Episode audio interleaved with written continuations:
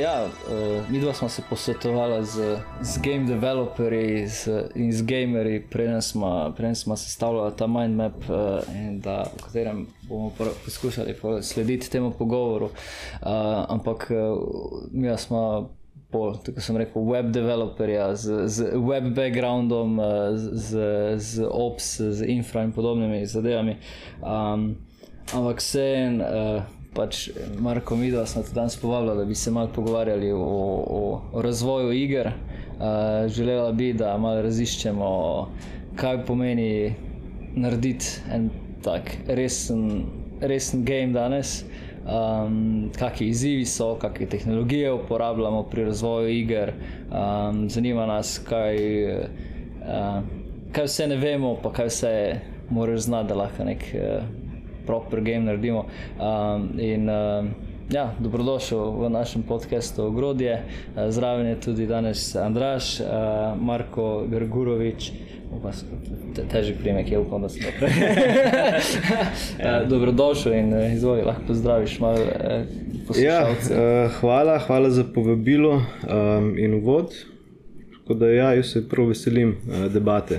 uh, boš na kratko povedal, kdo si, oziroma um, kako si sploh prišel do, do te industrije, ali pa zakaj, zakaj igrice, zakaj ne.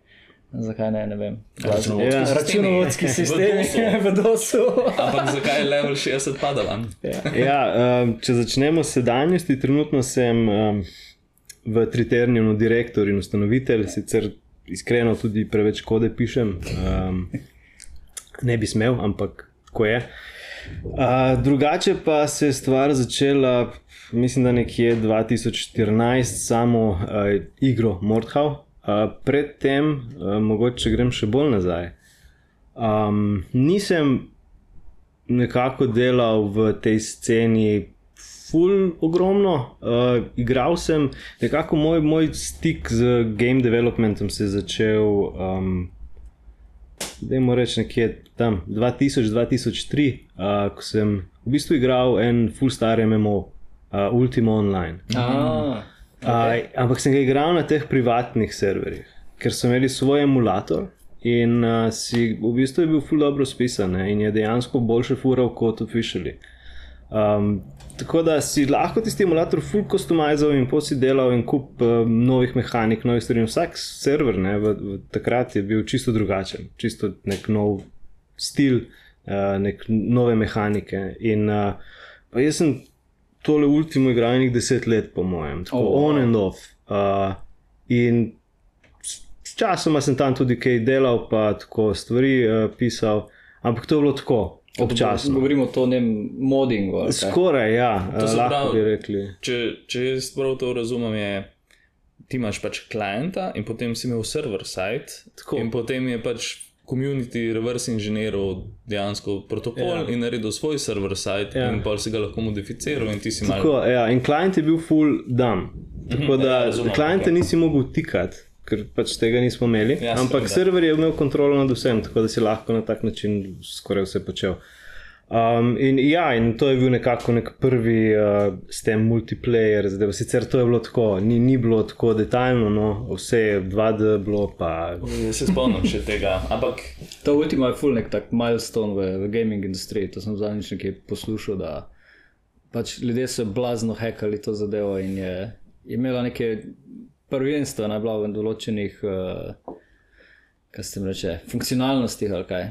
Ker ko se poslušam te neke ja, hacker podcaste, folk, uh, ki so pač zašli v temne, temne smeri hekanja, vsi rečejo, da so hekali ultimo, kradli kojne in podobno. Igre, ja. igre je bila nora, no? ja. uh, tako po mehanikah. Ti si dejansko lahko, ne vem, bombaž sedel, pa ga obiral, pa te en tako nag, te je našel sekiro, pa te je pobil, pa ti vsa bombaž pokradil, pa ga šel prodati. In pol te je izterjeval, te, te je grožnje pošiljal, da jim udnar, če ne bo prišel jutri, ko boš spet nabiral, pa te bom spet.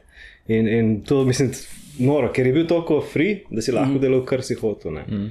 Tega danes ni več, ker to je nightmare, drugače, z, kar se komunitije tiče, da to menedžiraš, to je noro. Uh, folk je potem nehal to igrati, pa je šel bolj v take bolj safe variante, kot je recimo World of Warcraft, mm -hmm. ker pač ti niso mogli bombaža pokrasti. ok, ok, rekel si, da ja, to si igral, mičkan si, mičkan si um, domnevam, da pač hekal na tem strežniku, do čega si imel dostop, oziroma si bil zmenjen z kaj so to game masteri, kontejnerji. Uh, ja, pač tako privatni serveri so bili, ne pa si not pršel, pa si nekako sodeloval, pa si malo kakšne kode napisal. Kode je bilo takrat v C-Sharpu, uh, je bil ta emulator Runwall, mislim, da se je klical. Uh, ja. E, kako si odkril to zadevo? A si v kakih eh, forumih našel te stvari? Um, jaz sem Ultimo Online hotel igrati še full let predtem, sem interneta nisem, interneta nisem imel. Ja, ja. Sem dejansko šel v trgovino, vzel škatlo in sem rekel, tako, ko sem še full mladne, sem rekel, mami, da bi jaz to kupil. Uh, in pol mi reče, a imaš ti modem doma, oni prodajalec. Pa zdaj to. in pol sem bil full žalosten, v bistvu nisem mogel. In sem čakal, dokler nisem dobil DSL. Mm. In pa sem jo dol pobral. In je bila v kitajščini, v kitajščini je bila. Ker ne vem, pač na tem. Ja, nek torrent je bil, ne dol sem jo pobral in je bilo v kitajščini. In se mogel tam ugibati, kaj je kaj. Ampak pa smo s kolegi na gruntali točno, kaj pomeni kaj. Uh, mislim, ne vem, ne znam brati kitajsko. To je, to je bolj tako, ko greš do modernega pralnega stroja, pa gledaš v nesim pole. Pa pa nekaj gruntaš, kaj je 40. Ja, ja, ja. Če smo nazaj pri bombažu. ja, tako je. Ej, uh dobro smo začeli. Sam, jaz, ti imaš še vedno doktorat iz računalništva, zdaj če si sam. Ga nimam. Ne, še. Oddan je, aha, vse je oddano, zdaj se sem čaka. Okay, uh, okay. Hmalo. No, ampak je ena pot od hekanja od hekanja Ultima serverjev do, do da oddaš doktorat, uh, ja. si šel. Ja, posebej nekaj malo, malo stvari so šle drugače. Ja. The wrong way. Ja. Zdaj, če sem čisto iskren, sem delal to sproti še potem. Mm -hmm. Ampak uh, ja, potem sem začel uh, študijem. Na dodiplomskem in me je ful potegnilo not uh, algoritmi in, in take zadeve, in sem potem to tudi nadaljeval. Uh, uh, s ciljem, da bi v bistvu to počel, mm. uh, dizajn algoritmov, analiza, uh, pač znanost. Mm. Um, potem sem se malo odločil, da mogoče, sicer zelo pozno, ko sem že začel doktorat, pa imel štipendijo, pa vse. Um, um, takrat sem se odločil, da mogoče to ni lih. Um, tisto, kar bi počel, ker vseeno ta akademska sfera je, ne deluje tako, da ti delaš, kar hočeš. Treba je delati tiste projekte, pa vse to. Tako da takrat sem se malce odločil, da mogoče bi jaz probal kaj tako, uh, kar sam narediti. Videl sem, da ljudje delajo, ne vem, takrat v Unityju, gledam, no, to je 3D game, nekaj imajo 3D-esete. Pač očitno to ni tako težko, glede na ta, ta ne ve nič, ne? tako da je vsaj programirati vem, da jim še jaz probam. Mm. Uh, in tako se je začelo tistega usodnega dne, 1. januarja 2014. A to si rekel, novoletna obzorja? Očitno, ne, ne spomnim se tako, ampak vem, da je bil 1. januar. Takrat sem naredil projekt. Unity Slasher se je klical. To se pravi, da so ljudje jedli zjutraj kislo juho, vsi na mačkani.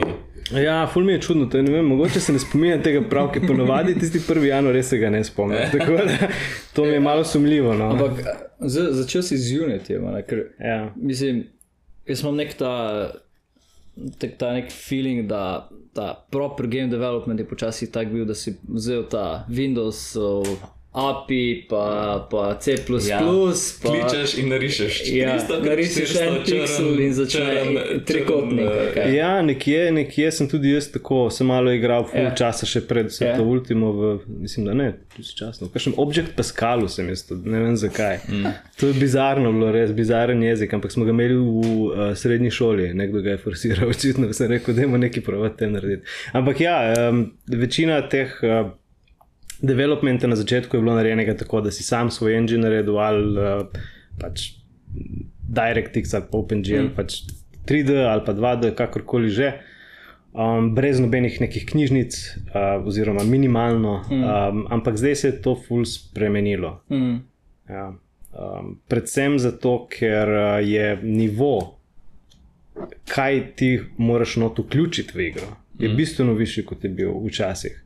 Ker so pričakovanja. Um, pričakovanja so više. In če zdaj, včasih si ti lahko, recimo, spravo skupaj nek svoj enostaven 3D model, pa da si igral eno enostavno 3D animacijo, ne? ampak zdaj ni več to dovolj. Ti moraš imeti uh, blending med animacijami, ti moraš imeti. Uh, razne inverzne kinematike, vse te stvari not eh, v igri, da lahko sploh podpiraš tak uh, stil, vizualen, kot mm. bi ga mogel imeti. Da ne govorimo sploh o sami 3D grafiki. Uh, Pač razen post-processing in vse te zadeve, ki pridejo skupaj, pa tudi pogon, sam rendering, kako je sestavljen dan danes, je bolj kompleksen kot je bil takrat.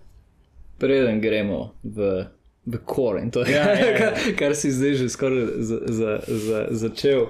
Uh, tam, uh, ko smo se pogovarjali malo o gamingu, pač, se pravi, pomagali so nam ljudje pripraviti malo tole agendo, je Goran rekel, da vidi gaming v bistvu kot neko najbolj kompleksno obliko entertainmenta, ki jo danes poznamo. Se pravi, da je res, ali pa umetnosti na nek način, ne?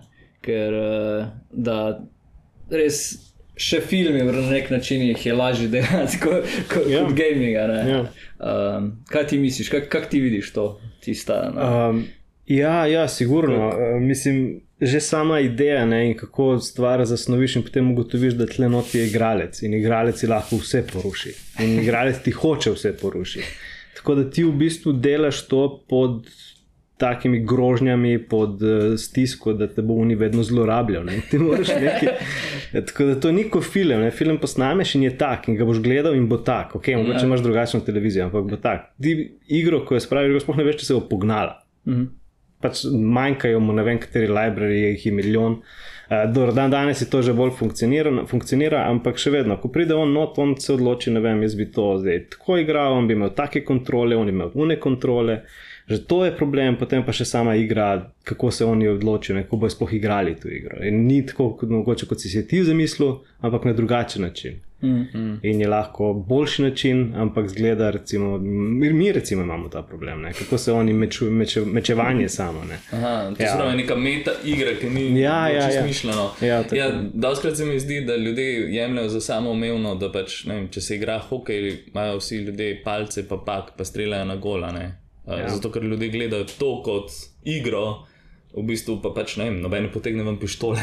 Čeprav hoke so si tudi mladi. Ja, ja, že, to je že blizu. Ja. Tako da ja, razumem, ja, v bistvu ti moraš tehnično biti zelo znajdljiv, da svojo vizijo igre dejansko narediš ja. tako, da ljudje ne zlorabljajo. Ja, uh, ful je nevarno, ker mislim, tega je ogromno v teh AAA igrah, so zelo pazljivi pri tem, kar delajo, da ti ne moreš prav veliko narediti kot igralec, da si omejen, da imajo oni njihovo vizijo in da ta vizija je potem enaka. Ampak tle tudi izgubiš, kar je v bistvu ta indijska scena, ki je zdaj ful popularna. Uh mhm. -huh.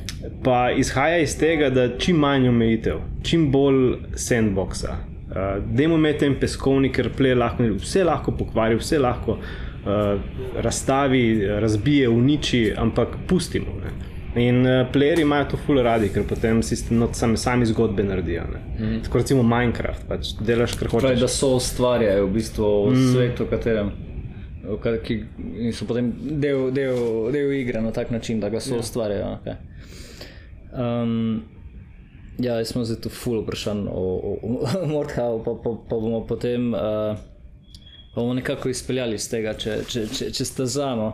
Um, pa dajmo začeti najprej. Um, Da nam ti predstavlja to igro na svoj način, da ne bom jaz uh, narodno se.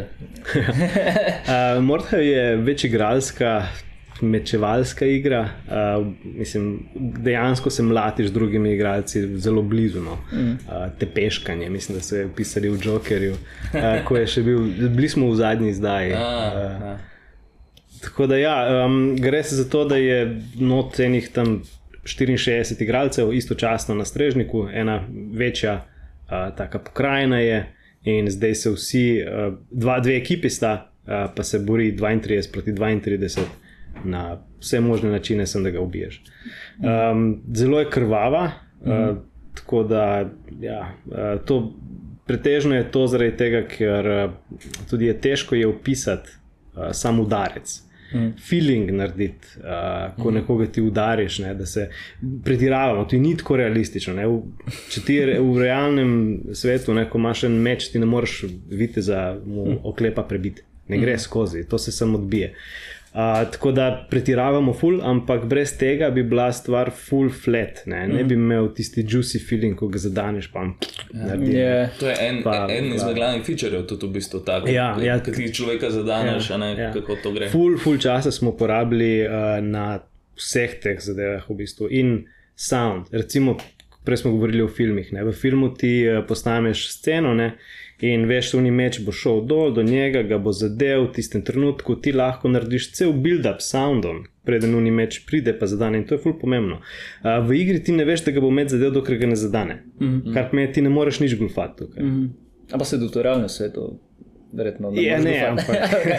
mislim, je bolj realno. Ne, ne, mislim, uh, pravim, film je lažje tako narediti, mm -hmm. v tem smislu, da je juicy feeling, pa mm -hmm. dober sound, medtem ko v igri pa moraš ti bistveno bolj zakomplicirane mm -hmm. stvari.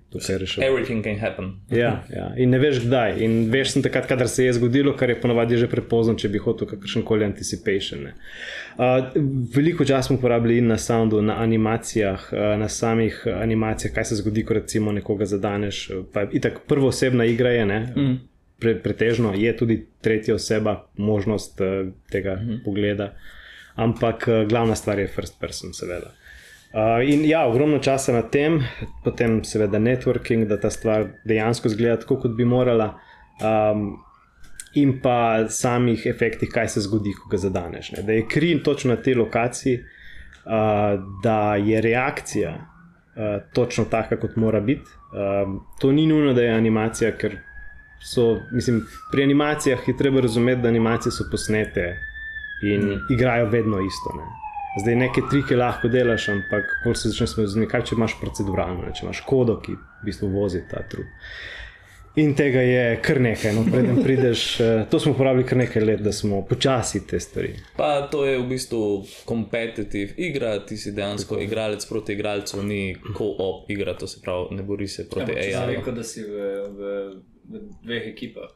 Ja, kompetitiv. Ja. Pač. Ampak svojega verjetno ne boš napadel. Bi te presenetili. Tudi za nalašč, predvsem za nalašč. Predvsem za nalašč. Je pa imamo pa tudi kooperativne načine igranja uh, proti uh, AI. Uh -huh. uh, skupaj braniš, mislim, da zdaj enega tako je narejeno, da braniš enega uh, uh, bota. In proti tebi prihajajo te wave, mm. hord način. Oh, to, to je za me, veš, to, To je moj stil igre. Jaz, da, to je ta ohrani stol. Pač življenje se mi zdi tako, tako kompetitivno, pa, pa v bistvu, ko igraš s prijatelji, ne se pač res ne da, ne da kregati, kdo je zdaj koga mahno. Ampak če pa AI mahaš, najlažji brcnat robota. Ja. Čeprav eh, roboti to človek, kako že pravijo. Jaz sem hotel vprašati, če je lažje narediti uh, igro, kjer ljudje med sabo tekmujejo, versus človek, versus AI, ampak so to verjetno približno drugi, drugi nabor problemov. Ja, dru, drug način je, mi se mm, tako. Drugi izzivi. Okay. ja, pri, pri samem dizajnu igre, pri mehanikah, če imaš ti playerja proti playerju, ne, mm -hmm. uh, hočeš, da sta oba zadovoljna z izidom. Tako da nočeš nobenega preveč, recimo, če, če, bo te, če bo en igralec drugega igralca udaril bo tisti, ki ga bo udaril, se slabo počutil. Mm. Tisti, ki pa bo ga uspel udariti, ne bo pa kul. Cool. Um, če imaš ti AI, ne, on ga ne briga, kaj mu narediš. Ti ga mm. lahko maltretiraš, lahko ga mlatiš, mu glavo sekaš, ga pustiš tam, reveža, da krvavi.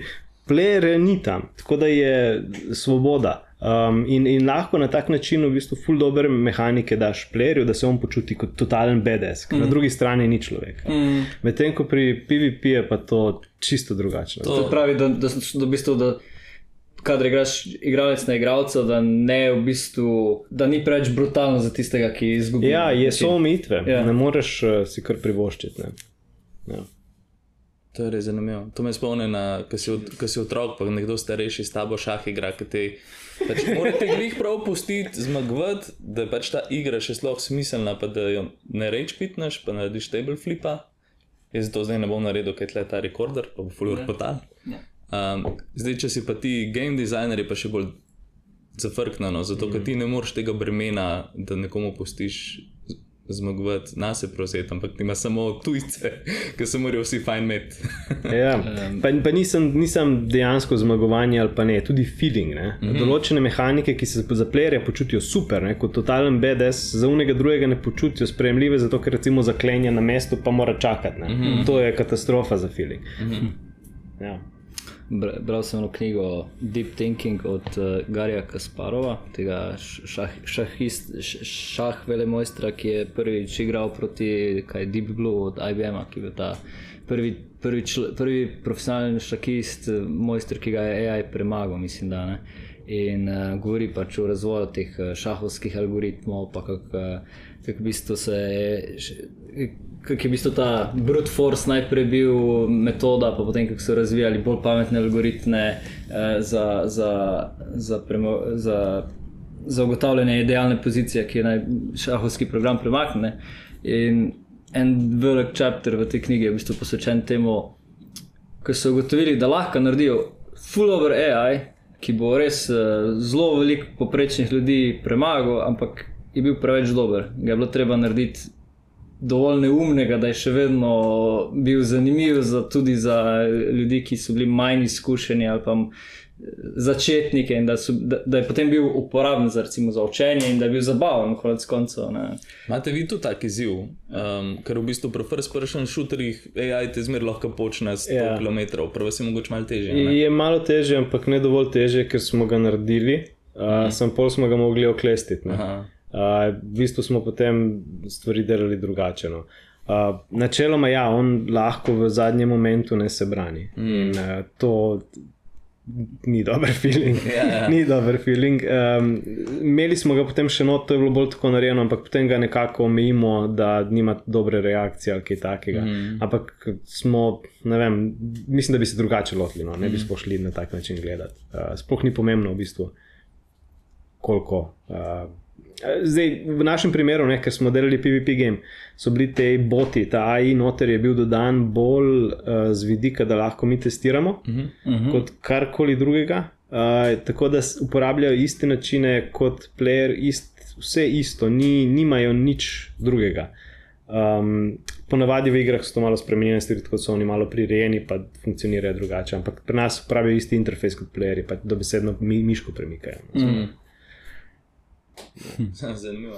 E, imaš zdaj problem, da igravci goljofajo na tak način, da pišejo svoje. Mislim, če, se, ja. če, če, smo se, če smo se prej pogovarjali o Ultimi, tam je bilo gameplay bistveno bolj enostavno, mislim, mm. da je mm. celo 2D igra. Mm. Tu pa govorimo o 3D, pa premikanje, pa prostor, pa, pa vse skupaj. Imate tudi v tem pogledu, ljudje čitajo um, z AI-jem. Ja, uh, par stvari je načeloma pri nas, kjer se tak cheating zgodi. Zdaj, nekatere stvari, a, mi sem, samo fiziko in vse te stvari, vse delamo na serverju. Uh mhm. -huh. Ampak določene stvari smo pustili klientu. Uh, zaradi tega, ker je pretežko tako stvar, mislim, ali pa ne mogoče, če upoštevaš še ping pa te stvari, uh, res nadzirati, da bi bila smut za vse, ker tisti korekšni so lahko krbeti. Uh, tako da nekaj stvari smo pustili za nalašč, nekatere stvari smo rekli, ok, mogoče jih bo kdo eksploital, ne, pa jih bomo lahko potem fiksali. Pa smo jih, nekatere smo jih pustili, načeloma je težko, uh, kadar čitajo, ne so full obvious. Mm -hmm. To je razlika pri nas. Zdaj, tisti, ki niso tako obvious, ne vem, mislim, so kašni detajli. Uh, problem je, da pri nas imaš tudi z miško, ne, ti, ko jo obračaš naokrog, s tem tudi napad kontroliraš. Uh mhm. -huh. In to je glavni feature. Tako da ni tako lahko čitati kot v kažem šuterju, ker imaš uh -huh. ti aimbot. Tukaj pač ni enostavno, kaj boš pa. Pač fulje, fulje, fulje je tak uh, težko oprijemljiv koncept. Ti imaš uh, peri. Mm. To je blok, ko ga aktiviraš, ti traja 0,3 sekunde, po pa gre dol in ne moreš takrat nič početi in si mm. te lahko zadane.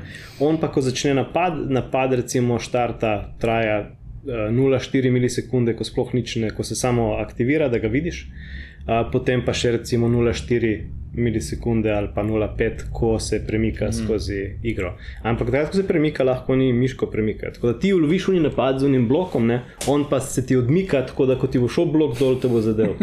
Uh, in je to ni tako izi začitati. No. Ja, moraš biti kar Ja, razumem. Ja. Je pol fulejnih detajlov, kako oni premikajo te napade, ker to je spet odvisno od hitboxov, kako zgleda player, kaj je v kateri animaciji, je, da te on zadane točno zadnji moment, ko ti bo šel periti. No, no, nočem direlati, uh, smeriti debate, ampak vse me zanima, a se ukvarjate s tem aktivnim iskanjem čiterjev ali pa. A, ne, nimamo toliko problema. Da bi, da bi, da bi, ni, ni, ne, ni, nek, ni, ni toliko problema. Kom, problem je mogoče na tistih kompetitivnih par igralcih, ki igrajo res uh, na privatnih serverjih med sabo, pa se pol krega, kdo kaj čita, kdo ne sem. Uh, za nas to ni nek prioritet. Zbroj, komunity je še zmeraj happy, ni to. Cheaterjev. Ja, ne, s čiterjem jih je precej, zelo, zelo malo. Super. Pa, kadar jih najdemo, so obvisni, da jih pač benamo. Ja. Da mi še to odgovor pa bomo pošli po tej poti naprej. Uh, zakaj Morhound, uh, zakaj vitezi, zakaj sable, zakaj ta srednjeveška tematika, zakaj ni to vem, v vesolju? um, mi smo štartali iz tega, da hočemo narediti tale melee game, ne? to, da imaš te pač uh mhm. -huh. blizu, da si pa da se mlatiš s stvarmi. Uh mhm. -huh. To je bil start, starting point. Zdaj iz tega bi ja, lahko bi šli v katero koli tako smer. Uh, razlog za medieval je pa bilo, um, mi smo, nas je bilo v bistvu devet ljudi. Devet ljudi vas je. Ja. Okay. In to so bili vsi porazdeljeni po celem svetu. Okay. Uh, organizacije, da bi jih res držali, pa to je bilo, treba je bilo delati s tem dejstvom, da je to pač ne moreš enostavno. Mislim, načeloma bi lahko, ampak bi smo mogli biti bistveno več. Pa nismo imeli nobenega, ki bi samo se z managementom ukvarjal, pa produkcijo ali karkoli. Vsi smo nekaj konkretno delali. Uh, tako da sem jih jaz nekako skušal nadzirati oziroma postaviti stvar, da bo funkcionirala in izi način, da recimo 3D art uskladiš, uh, je, da ga fokusiraš na recimo medieval, ker potem imaš te stare slike, manuskripte, reference in kar naenkrat se paše skupaj. Mhm. -huh. Če bi pa ti delal nek space game, pa rečeš. Različnim artistom pete nekaj dela, vsak naredi svoje in sploh ne paše skupaj. Oh, Koncept arti lažje. Ja, v bistvu ga sploh ne rabiš, ja, mi ga nismo niti imeli. Ja, Samo pogledaš knjige ja. in In vse paše, vse je smiselno. Ne? Druga stvar je, da itak je to tak stil igre, ker vemo, da medieval deluje, nismo pa še videli karkoli drugega kot medieval. Tako da iz market vidika bi bilo to preveč riskantno. Pa nam je bil kul cool medieval, mislim. Mm -hmm. Čisto kul, cool, imaš to, imaš kri, imaš decapitation, pa vse te stvari. Ej, eh, razmišljam, če moramo za ta podcast posebej pogledati za explicit content tam vklopljeno. Po mojem, da niti ne. ne. Dokler ne kovnemo, je vse v redu. Ja. Lahko govorimo o glavljenju, ne smemo pa o kovnju. Okay. Ja, le, pač tudi standardi za eksplicit so se globalizirali, zgleda. Ja. Mislim, absolutno očitno je market za, za, za immersive igre, osebne, ki, ki, ki so pač akcija. ljudje, ljudje hiprijo po, po, po, po različnih igrah, ali kaj. In, Mislim, jaz sem ful, ko sem raziskoval to zadevo. Pač, vi ste ful eh, neko nišno vejo igre našli. Ne, čeprav razumem, so bile neke druge igre, ne vem, ti si ful bolj poznal, ki, ki so imeli mačevanje, ampak že zelo dolgo ni bilo nobene. Ja, Chivalry je bil ja. 2012. Ja. Ampak mm -hmm. danes imate kaj več eh, konkurence uh, že? Ja, ja Chivalry je zdal eh, nadaljevanje potem. Um, tako da je. Trg je definitivno majhen, yeah. Ja. ni tako velik trg za te igre, yeah. kot ja. kašne šuterje. Tako da se pozna, če so zdaj dva, dve igre na tem trgu. Ne. Vse pozna. Meni se zdi, da je v bistvu ta Morhau tudi zbrstil ven iz tega babla. Pač se mi zdi, da je bil pač takrat na neki točki tudi ni to samo za določen aspekt playerjev, zdi se mi, da je pač folk to bil tako, ok, jaz sem tu s kolegi ste igral, čeprav mm -hmm. nisem full of tem. Ja, uh, huge je bil, launch ja. je bil huge. Uh, mislim, da smo bili tako tretji uh, na Twitchu, par dni takrat. Pa top no. selleri smo bili na Steamu, mislim, da kar ne tri tedne. Uh, tako da, pa tako mislim, res number one številka. Ne. To je bilo huge, to so vsi streamerji uh, prišli gor, pa igrali, pa vse. Um, Nasplošno je tudi presenetljivo, tako, koliko ljudi ga je poznalo, je igralo, zdaj je sicer manj, ker je itak, že tri leta mm. ne od tega, ampak ja, tudi tako, uh, kar znani ljudje. Mislim, da na neki točki je uh, Post Malone igral. Oh. Uh, tako da je Pavni Mountains Game of Thrones. Ej, a kaj delate, da zadržite ta player base, kako to prve zdaj se Uh, gleda? dejansko naš player gre kar dol s časom, uh, težko ga držimo, uh, predvsem je tukaj smo ugotovili, da je full težava to, da igra postane težja s časom. Ljudje, Aha. ker je multiplayer, je PvP, uh, ljudje dobijo, raz, raz, dobijo neke strategije, se naučijo, zač- razumejo drugače, animacije, jih bolj specifično in učijo druge playerje, in se spremenja način igranja. In s časom je postalo to težje in težje in težje. In, uh, Kaj to pomeni, da za začetnike, ki, pri, ki, ki jih dajo Ja, gor, ja, je, je ja. tak, tako, tako težko. Ja, da, ja, mislim, je čisto drugače. Saj Zdaj smo neke stvari skušamo potem oblažiti, to, da dodamo kakšne posebne strežnike za a, začetnike, ampak um, ni, a, ni, ni dobre rešitve za ta problem. Uh, ker se res, uh, mislim, to se zgodi z vsako tako igro, uh, vsaj do zdaj se je vedno zgodilo. Um, na začetku je feeling tak, da vsi pridejo gor, pa vidijo te Twitch streamerje, pa vsi tečejo, pa se neki mlatijo, pa noben ne ve, kaj dela. In uh, je feeling drugačen, zato ker ti nekoga zamahneš proti nekomu in oni se neki smeje, pa hoče se braniti, pa ne uspe, pa ga zadaneš, pa evo, kul cool, sem ga zadev. Zdaj pa je bolj to tako, da ga mlatiš, oni se pa stalno branijo ne? in mm. ti mu ne moreš nič, on tebe mlati, pa se ti neki braniš, pa porabi mm. full časa, prej kdo dobi udarec in to več ni isti feeling. Ne? Taka pad pozicija. A, a s- se potem ful intenzivno ukvarjate s tem onboardingom, oziroma s tem first, first experience, ko jaz inštaliram game, ga začnem igrati, da veš, ta prvi feedback je verjetno ful pomemben. a Ja, Ljudje poskusijo igro, pa potem, če imajo verjetno slabo izkušnjo, kaj se potem zgodi, ker gre Ja. stran. Ja, Mislim, ali kaj- pa refundajo. Ja. Ja, dejansko refundajo. zato, Ja, ker- ja, mislim, da dve ure imajo, potem pa refundajo lahko. Um, ja, eh, mislim, smo se tudi s tem ukvarjali precej, ampak je zelo težko tako stvar rešiti potem v postne. Uh, ko enkrat že grejo tisti, tisti velik val playerjev, potem ti ostane ta komunity, sicer ki je aktiven in ga, ga jih je precej, ampak je težko potem spet zrast gor. Mm. Predvsem za PvP igre je to težko, za koop je bistveno lažje, mm. ker dodaš nov content, pa playerji pride nazaj, pa igrajo. Ne. Uh, tako da s tem, mislim, mi tudi ne, ne baziramo na tem, da bi, da bi bil zdaj to Mordhau, pa da bo to trajalo ne vem še koliko dolgo, ampak mm. počasi že pivotamo na nove projekte. Ne. Mm. Tako da ni, nimamo uh, cilja, da bi to res vzdrževali na takem nivoju. Ja. Bomo vzdrževali, Mm. ampak zmerno. Ne. A ta sama, ne vem, customizacija, sam si prej, sicer na začetku rekel, da si pač tweakal te serverje pa to in je pač to te tudi na nek način pretegnilo v igro. ne. Um, tu v tej igri je ogromno orožja, pač ta character building je mm -hmm. tudi ekstremno pomemben za, za igralce. Da je tema yeah. malo več povedati. Ja, mislim, da imamo, se ne vem, če imamo že tisoč kosov te opreme razne. Wow. Tega je ogromno, mislim, to je, uh, pretiravali smo full pri sami customizaciji, pač imaš ta face sculpting, ne, da si narediš svoj face, zakaj to rabiš v PvP gameu, ne vem, ampak smo ga dodali not. Takrat dosti krat smo dajali feature, ne, recimo tisto lutnjo lahko igraš, zakaj ne vem, lahko. Um, potem smo imeli en kup teh eh, kosov opreme, ne, imaš, imaš rokavice, pa imaš tle na roki, imaš eno klep, pa imaš na rami, imaš eno klep, pa imaš na prsih, imaš eno klep, pa imaš na glavi, imaš oklep, pa na vratu imaš oklep, pa Ampak na nogah imaš. bazirano iz, na realnosti pač. Ja, ne, oklepi so, ja, nekateri so tudi malo zmišljeni, ampak dejstvo je, da ti lahko vse to spremenjaš, eh, neodvisno skoraj. Ne? In pa ga barvaš, pa te zadeve. In je to nek tak Barbie simulator, ne? delaš svojo.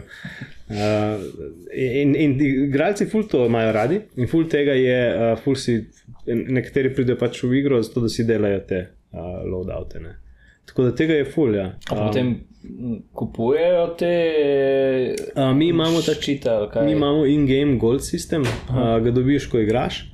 Uh, nismo imeli DLC-jev do, mislim, da lani, lani smo jih začeli prvič dajati, da malo revenue uh, dvignemo, ampak je večinoma je tega, je igraš z, game, z časom v igri dobiš To, to je najbrž, te DLC so neka možnost komunitija, da vas pač podprejo, podprejo še za naprej, a ne najbrž bolj tako. Da razvrsta še DLC za, za vse, ki so Tetris na zadnje igrali. E, v bistvu je to neka nova vsebina. Ne? Um, nova vsebina, za katero eh, moraš imeti osnovno igro, uh, ki jo tudi kupiš. Uh, ampak ta nova vsebina ti recimo da nov klep, uh, pa daš ne vem, od 5 uh, evrov, pa dobiš eno klep, pa en, en meč ali nekaj takega, ki ga drugače sicer ne moreš dobiti. Um, bil sem nekaj časa nazaj, da je, mislim, da World of Warcraft je bil tak uh, znan po tem, da si ti zbil do karakter do nekega full levela ali kaj in potem si ga prodal. A se vam tudi ma, prodaja folk karakterja v Ne, vašem gameu ali paziš, ne vem, da ne na igre Ne, ne, ne, tega ni. Uh, v World of Warcraftu je bilo to drugače, malce, ker ti si si delal ta karakter ne, in si dejansko je postal močnejši, uh, bolj zmogljivejši, lahko je delal druge stvari. Pri nas tega ni. Vse stvari, ki jih ti odkleneš s tem goldom, so samo kozmetične. Ti imaš sicer, je ok, drugi oklep, ampak imamo recimo tri tipe oklepov, um, pravzaprav štiri. No. Um, In glede na to, kateri tip je, ali je to light, medium, heavy, uh, ima določene stece, ampak to je fiksno. Mhm. Uh, potem pa ti sem to kozmetično, Ja, drugače ne- malo ne. zgleda. Ne? To bi bil najbrž tudi nočna mora, če bi hotel to Ja, zbalansirati. a ne, ne mogoče. Tisoč kosov. Že, že to je, tega je Že toliko, preveč. uh, da je absolutno preveč, ker imamo ne vem, uh, štiri različne armorje, sicer ločimo samo na glavi, pa na prsih, pa na nogah, ampak polje je še noge, pa prsa, pa glava imajo različne bonuse, pa weaponi imajo različne za vsak tako, tako da tega je ogromno. Ja, le, lepa matrika. A te, ko si ko v bonusih potem govoriš, je to nekaj, kar je insight, ki ga veš kot razvijalec, ali je to nekaj, kar tudi napišeš, ne vem, ali ljudje vejo. Ali, a, mislim, Uh, vejo, oziroma tisti, ja, ne, ne. recimo eh, re, Ja. re, re, resni, ki dolgo časa igrajo. Okay? Ja, ne, vejo, vejo, ker je vse to tudi v not, eh, imaš en tak tab, kjer pogledaš lahko vse te stece ne, za orožje. Globoko, gl- globoko smo šli, všeč mi je. ja, ja, ne tako, jaz folenih, folenih stvari, ki nikoli ne bi pomislil. Naprimer, sploh to.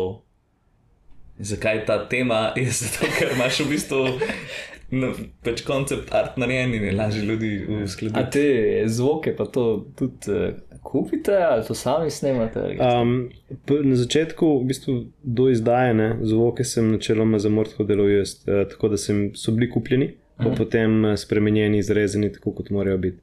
Aha. Uh, tam je bilo, ja, tega je bilo kar precej, zdaj tega ne delam več, hvala Bogu, ampak sem še vedno upleten, če je karkoli. Um, ampak ja, uh, precej stvari smo, mislim, precej. Predvsem zvoke, zvokov nismo snemali, to pa res ne. Uh, razen voiceov, imamo tudi te voice v igri, lahko si izbereš. To Smo, uh, takrat smo dobili um, ljudi, ki so na preko maila prišli in rekli: "Ej, Jaz bi nekaj posnel, pa to sem rekel, ok, če je bil kakšen, ki je bil dejansko se ukvarjal s tem. Amatersko sicer, ampak mm. okay. uh, so posneli in so bili kul. Cool. Um, je pa bilo tako, ful je bilo. Um, nekako nismo imeli dober pipeline za to. No. Nekdo se je mogel javiti, v bistvu, ali pa nekdo, nekoga, nekoga poznati, ne, da smo pol to mi furali. Uh, in potem sem jaz to nekako malo porezal, pa je Uni malo porezal, pa potem sem, to spravil na to igro. Zdaj imamo to drugače narejeno, dejansko gremo preko agencije, agencija najde ljudi mm. in tako da ta stvar lahko fura. Ker ste začeli, rekel si, koliko vas je bilo 9, 8. Ja, devet. Ja. 9. Pač to je tako impresivno, ti imaš v bistvu, to je pač tvoj, tvoja core ekipa, ti delaš špil, ki je pač top, svetoven špil.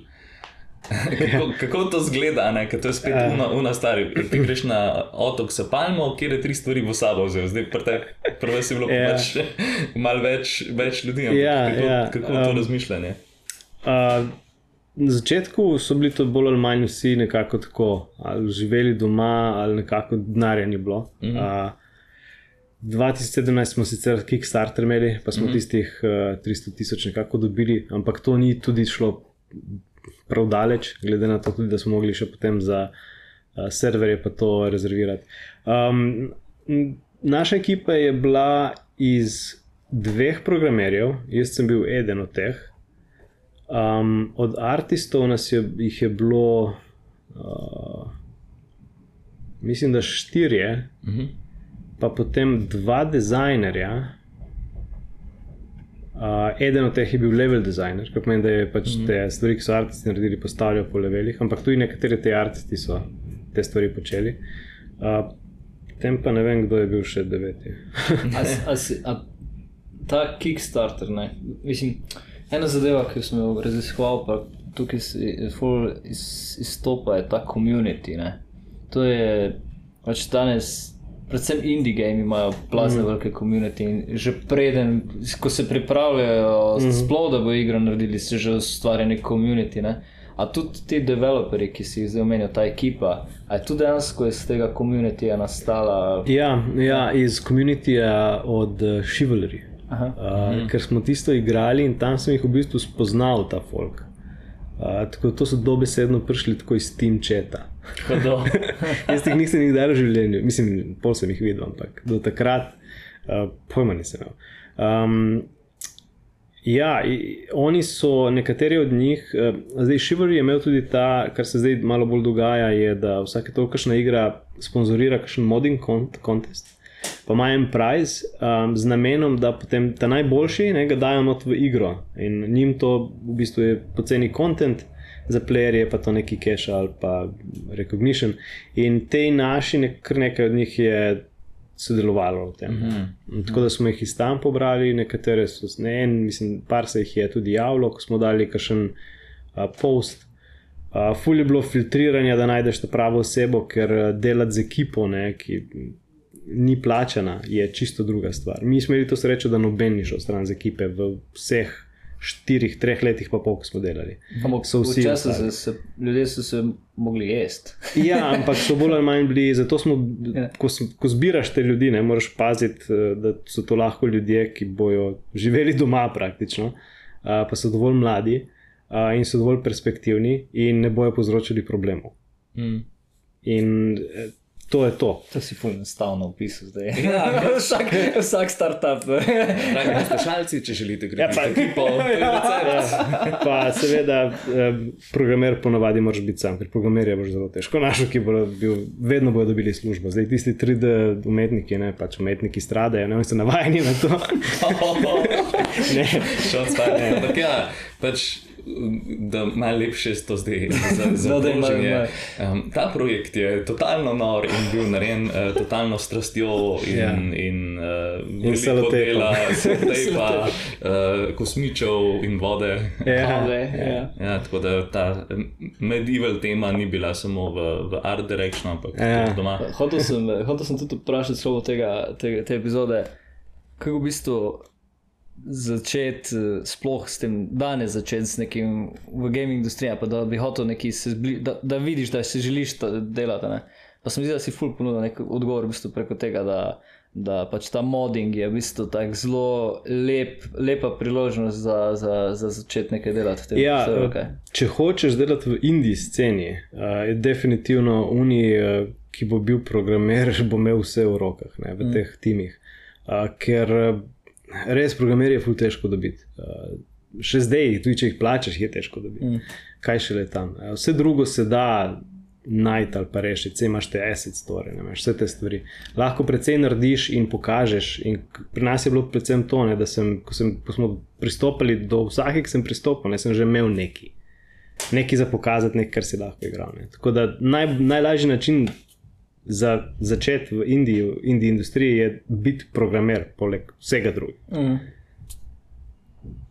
To, pač, to pač pomeni, da si mojster jezika, pa mojster nekega ogrodja, kot je pač Unreal.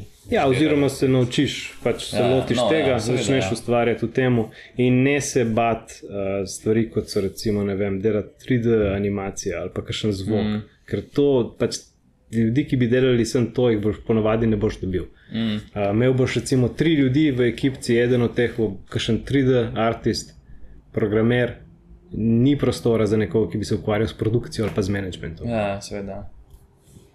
Ja. Tako da je. Ja. Um. O to, kaj pravi tvoj kompas in tvoja karta popotovanja. ne, full. Uh Pustim še hotel še eno stvar dodati. Ne, zdaj, um, se mi zdi, da mladi, ki, ki jih mogoče zanima, ki igrajo igre, pa mogoče jih zanima, kako deluje igre, pa si želijo v to industrijo iti, pa to. Um, ta komunity obstaja, pač indie game community, pa to, te še to pove, ker se mi zdi, da to mogoče. Pač, ne, poprečen dijak ali pa študent tega ne ve, ali, ali pa moče ve, no, da pove, koliko je ta podpor za, za ljudi, ki si želijo iti v, v industrijo v zadnji. No. Je komunity, kjer se bo lahko naučili stvari, a, a jim bodo bo ljudje pomagali dobiti to ustrezno znanje. Ali, pač, če si en Janes v nekem kraju, verjetno ne boš imel okrog game developerjev, s katerimi se boš vsak dan pogovarjal, ampak um, nam ta. ta ja. Uh, v bistvu, kar bi jaz tukaj predlagal, je, da če računaš na to, da ti bo kdorkoli pomagal, si v napačni industriji, ker dejansko je tukaj fulenga dela potrebnega uh, in je enostavno treba, ma, vse, kar je potrebno, danes je ful lažje začeti, mm. uh, da ne bo pomote. Pobereš si dol, ne vem, Unreal ali pa Unity, tutorialov imaš en kup, uh, nič drugega ne rabiš. Če ti to ni dovolj, potem si v napačni industriji, ker je mm. ful kompetitivna in je ful težko uspeti. Tako da moraš biti boljši od tistega, ki sedi na forumu in sprašuje vse. Ne? Ki ga boš sicer videl, ker boš iskal odgovore, ampak don't be that guy. Uh -huh. uh, pač, loti se sam, pa nekaj časa vloži v tono. Uh, vedno zadaneš tisti roadblock, ampak ustrajaš in se prebiješ skozi zid in to je to. Uh, in filter je tam tisti, ki ne ustrajajo. Uh, uh, je, pa, mislim, je pa to. Ta, Engini so dostopni, vse je dejansko na dosegu, uh, nič ne rabiš plačati. Mm. Uh, Unreal, recimo, ima, je, je free, pa pol daš tistih 5%, ne vem, koliko je zdaj, uh, potem imaš pa Unity, ki pa je tako. Da mi še to povej. Uh, Games, pač sam si rekel, da so pričakovanja ljudi ekstremno visoka, se pravi ljudje, ki si reče, če si danes ne vem, programer, pa si reče, igro bom naredil. Ne? Je to, ko začneš razmišljati, of, veš, kaj vse bom jaz mogel narediti za neki game, je lahko overwhelming in bo na nek način tudi ljudi odvrnilo. Spravi, moje vprašanje je pol, kako mogoče tak Hello World ali pa Simple Game ali pa Kak, veš, spravi, kak, kak, kako kak na svet bi ponudil nekomu, da bo naredil svoj game, da bo dovolj hkrati enostaven, pa da bo prišel čez cel proces, da bo dejansko ga dal nekomu, da zaigra. V bistvu je ful, ta, ja. ful je triki to vprašanje. Ne? Ker, uh, uh, kot si rekel, ne, uh, če ti razmišljaš o tem, kaj boš ti rabo narediti, ugotoviš, da fuk. Mm. To je 4 leta, 5 let, ne vem, koliko časa bom rabo. Ne? In pol to avtomatsko, mislim, tega ne moreš oddelati, to ne gre skozi. Uh, v bistvu moraš biti naiven, ampak ne smeš biti preveč naiven. Uh, če grem iz mojega primera, ne, jaz sem mislil, da vsako leto od 2014, da bomo izdali tisto leto, da bo vse končano. Absolutno ni šans. Če bi jaz vedel, da bom pet let mogel še to delati, jaz bi rekel, ne, hvala, grem nekaj drugega. Ampak sem bil dovolj naiven, da sem mislil, da se je igra tudi spremenjala. Uh, uh, kaj bi izdal sploh ven. Ne? Ampak se mi zdelo, da je to, to smo zdaj skoraj tle, ne še malo to spremenimo, pa je. In na koncu sem, kaj sem jaz razmišljal. Ne? To je še vsaj eno leto. In vsakič je bilo eno leto, eno leto, eno leto. Ampak zaradi tega sem pol tudi ustrajal. Uh, tako da malo moraš biti naiven, če pa si preveč naiven, ne, pa, pa začneš, to imaš pa drugi ekstremno, ko začnejo pa reči, jaz bom pa zdaj MMO naredil, ne? World of Warcraft 2, pač trije smo in to bo zdaj to. Ja. to pa, pa ti nič ne pomaga, tle, tle pa ti nič ne pomaga. Ti rabiš, da Facebook naredi, se je samo ena forma, pa pač, pač tri ljudi, dve leti pa imamo. Tako da ja. Uh, naiven, ampak ne preveč naiven, moraš biti absolutno. Je to naivnost, je to norost? Vem, ne vem, ne vem. Uh, ne vem, katero od teh. Najbrž na neki točki si se naučil, da si bil naiven, ja, pa prerastel v neko drugo motivacijo. Kaj se mi tu zdi? Uh, če pre, če potegnem neko paralelo z, z web developmentom. Ne? Web development je toliko uspešen, zato ker, veš, če hočem drugačno izkušnjo, pač uploadam na server nov file, pa pač je izkušnja za, za vse odjemalce pač nova. Mm. če naredim mobile app, ga bom mogel ne vem, na iStore naložiti, pa bo nek review proces, pa bo spet trajalo. Ne. In pri gamingu je pa verjetno še, te, še, še bolj morajo biti stvari na nek način izpiljene, da so hkrati uporabne, pa stabilne. In a je tukaj potem tudi uh, se ti lahko zgodi ta veš, um, iskanje nekega perfekcionizma. Ne. A moraš biti perfekcionist, um, ali ne smeš biti, ali kje je ta? Ja, še, še ena, mogoče se tudi yeah. Ja. malo navezuje na tisto vprašanje, prej je bilo glede, um, mislim, opaska, da, je, da je dejansko, da so ful zakomplicirane postale igre, ne pa da je ful težko spet. Dejansko je, je situacija taka, da je trg obstaja za vse tipe iger, tudi za tiste, ki niso tako izpopolnjene. Mm. In uh, so tudi med njimi take, ki so ful uspešne. Pa so simple 2D. Razlika je edino v tem, uh, koliko je ljudi, ki jih ustvarja. Ker so lažje in ljudje si pač, dosti lažje se jih lotijo. Um, posledično je več takih iger in uh mhm. -huh. teže je uspeti. Uh mhm. -huh. Bolj ko zakompliciraš stvar, bolj ko jo izpopolniš, bolj ko jo finiširaš, več časa kot rabiš, manj je ljudi, ki ustraja pri tem. To pomeni, da je manj drugih razvijalcev, kar pomeni, da lažje uspeš. Tako da na določeni uh, imaš tudi potem greš na tiste, ki so res triple A, ampak potem že to keša porabiš za to, da je malo nesmiselno. Uh, je nekje sweet spot, kjer uh, ni uh, dosti tega noiza uh -huh. v samem storu, v samih produktih, ki prihajajo ven, um, ampak istočasno ne porabijo preveč ljudi ali pa premalo. Tako da je, je fully odvisno od tega, ne, kam pašeš v ta. V ta Nice. Je, pa, je pa tako, da tiste ne, zelo enostavne igre jih je full, in tudi če je super igra, lahko se enostavno zgubi nekje na tem šumu mm. in ne proda nič. Ja, ampak verjetno, če si začetnik, je vse ta izkušnja, je to igra, ki si jo naredil. Je, launch, je na ja, marketu, šel sem enkrat čez cel mm -hmm. proces, Sigurno, ne. Tudi zdaj, Morajo neko ja. zadoščenje ljudi poskušati najti v tem. Ne, ne zaključiti, nek, je. zaključiti neko zadevo. Uh, sigurno je, ampak ja. ne delati enostavnih uh, iger. Zato, ker mislim, ja. če jih hočeš delati, tudi ja. potem, prav. Ampak s tem ne boš ti nobenega uporabnega znanja dobil, glede tega, recimo, vem, kako delajo 3D animacije, kako je s to uh, zlepim skupaj, kakšen je workflow za to čisto drugačne tehnike se uporabljajo. Za, mislim, vse so osnove, ki jih lahko uporabiš, seveda, veš, kako dela engine, veš, kako daš na store, kakšen store integration ali kaj takega, ali pa enostavne stvari, ampak je čisto, čisto, čisto druga stvar drugače. Z detajli, ki se moraš ti ukvarjati, tudi spremenijo samo arhitekturo igre, kako je, kako je zasnovana, s čim se moraš ukvarjati in tako naprej. Jaz sem se naučil, da delaš težke stvari, tako da se lahko zdaj pri doktoratu. Kaj pa je tvoj doktorat? Uh, je v teoretičnem računalništvu uh, algoritmična teorija grafov. Uh, v bistvu so hitrejši algoritmi za. Predvsem za najkrajše poti v grafih. Mhm. Pač klasičen problem je, potem je asimptotika, not, pa hitrejši časi uh, v teoriji in nekje tudi v praksi. Ok, lepo. Zadnjič sem se pogovarjal z enim dečkom, ki je delal za Neo4j, pač delal je v firmi Neo4j za Neo4j. To je pač ta commercial offering za graf, graf bazo, najbolj mm. popularna. In smo tako po pogovoru hitro ugotovili, da tudi on, ki dela v Neo4j, v resnici ne dela veliko z grafi, da so full. Uh, Vse v našem delu industrije so znani kot uh, Silver Bullet, ampak vsi si želijo delati z, z grafi, ampak v resnici te tradicionalne baze še vedno so dovolj optimizirane, pa dovolj dobre, da pač večino use cases se pokrije. Da sem ta neki intermezzo na grafe. Um, A to potem v bistvu tudi povezano z, z Morehoundom? Kaj... Uh, ne, ne, čisto, čisto ne povezano. To je čisto taka akademska stvar, nič povezavi z industrijo, zelo malo praktičnega. Okay. Um, zdaj pač ta podcast bomo provali še bolj tehnično zdaj. In ta mm -hmm. kor, um, kor tehnike pri vas se verjetno, če si jaz prav predstavljam, ukvarja okoli tega game engina. Vse te bom poskušal za, mm -hmm. postaviti vprašanje.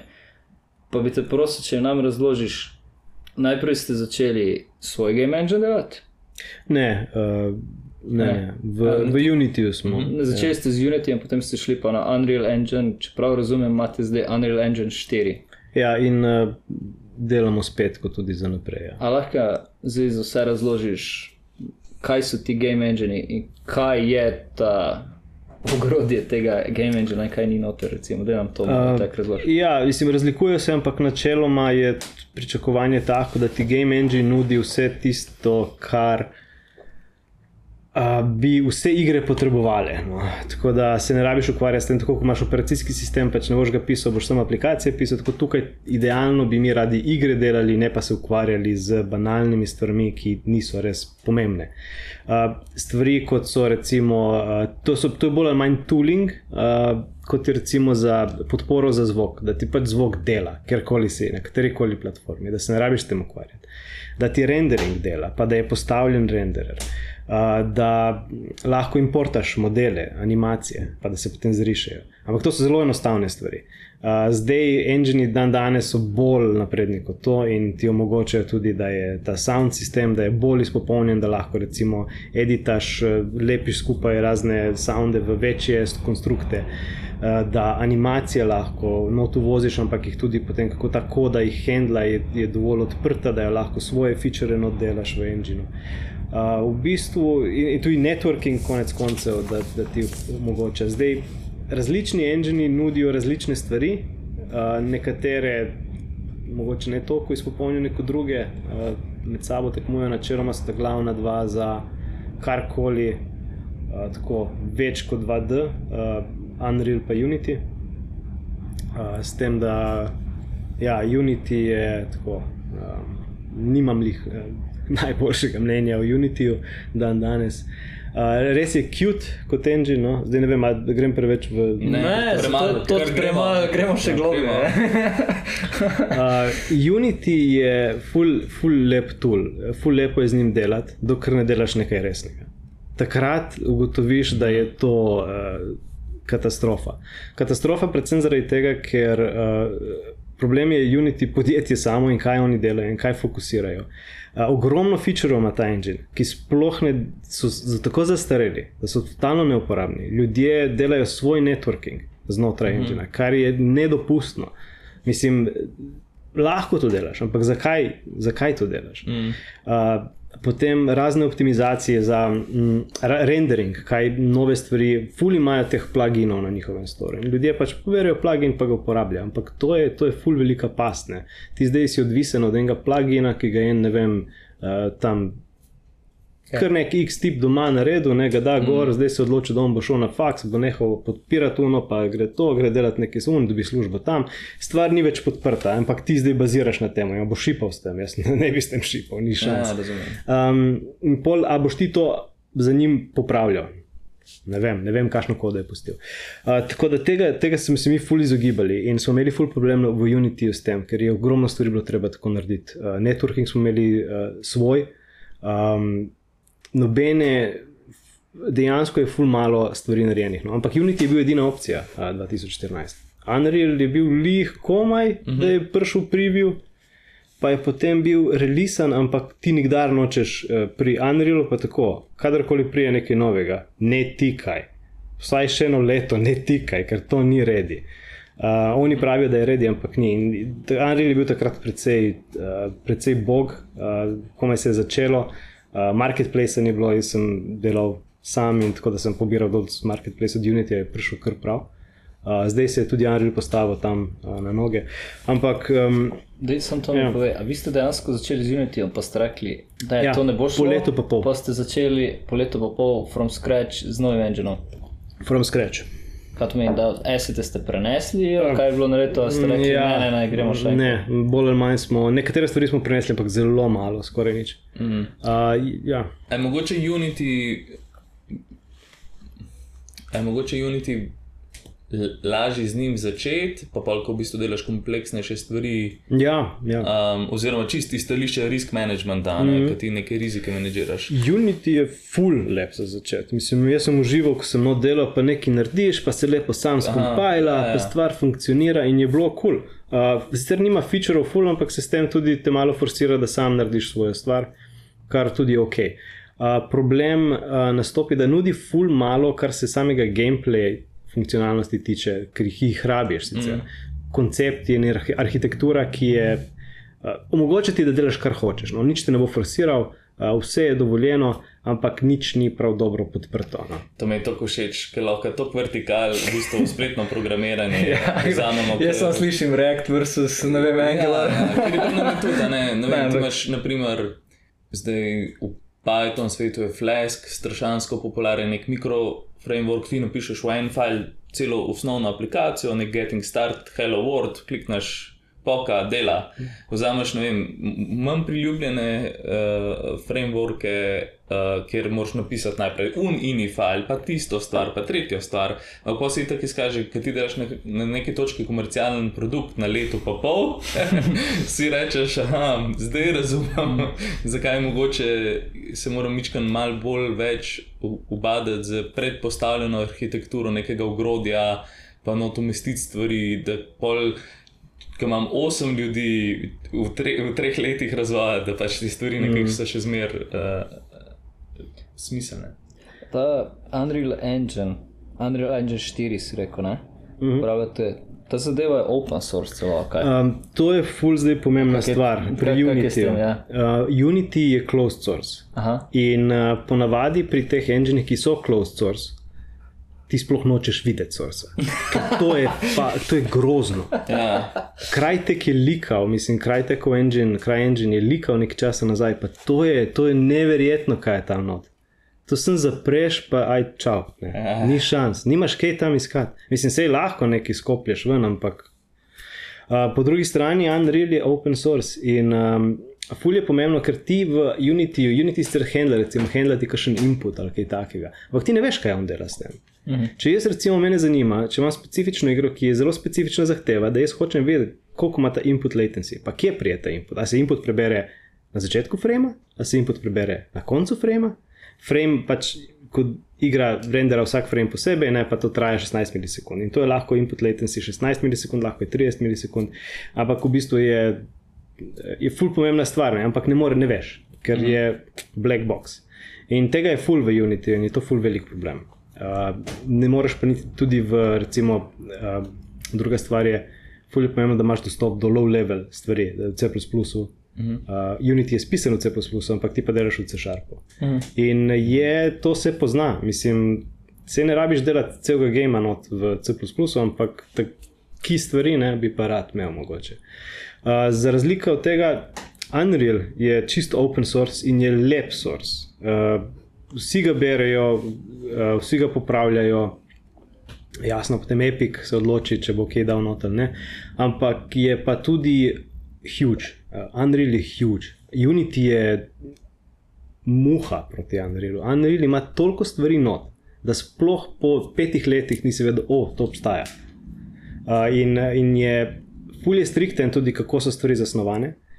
Uh, določen framework je, ki mu moraš pač slediti. Zdaj, če hočeš iti izven tega, boš, ne, ne bo šlo, mislim, lahko to narediš, ampak zakaj? Pejdi v Unity, potem pa delaj kaj tam.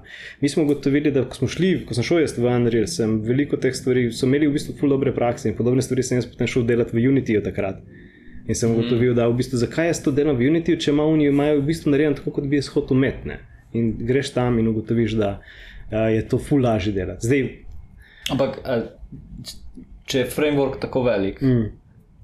aj, se ti ne zgodi, potem, da mogoče bi začel sam neki reinventat, ker ne veš, da kaj obstaja. To se ful dosti krat zgodi in to je ful narobe. Tega ne, to ne smeš dovoliti. To mi tudi pri naših programerjih, če vidim, kje, da, kje delajo sami. Ne, pač pet not. Pri Unrealu je tako, da ti, če delaš v Unrealu, na mesto časopisa zjutraj, ti moraš odpreti GitHub in brati vsak dan po en source mm. file, ker not je dokumentacija in je edina dokumentacija, ki je. Vse, kar je zunaj, je outdated oziroma tako. Uh, pač source moraš brati, te glavne stvari moraš iti skozi, kako delujejo. In, ampak lahko vidiš vse, vidiš točno, kako deluje networking, vidiš točno, kako deluje input. Ni debate. Uh, tako da to moraš, to je edina dokumentacija, ki je za res. Uh, ampak je zelo lepo berljiva in tako, fulje dobro zastavljena. Razlika je predvsem v tem, da Epic um, ki dela Unreal, uh, šipa igre z njim. Unity ni šipal nobene, še niso šipali nič. Ja, ja, ja. In zelo malo iger je v bistvu v Unityju na takem nivoju. Ponavadi so tako 2D ali pa mobile, tam je huge, uh -huh. ampak za recimo tak nivo je pa zelo malo izdaj. In še v neki so, so ponavadi bile narejene, preden je bil uh, Unreal, sploh opcija.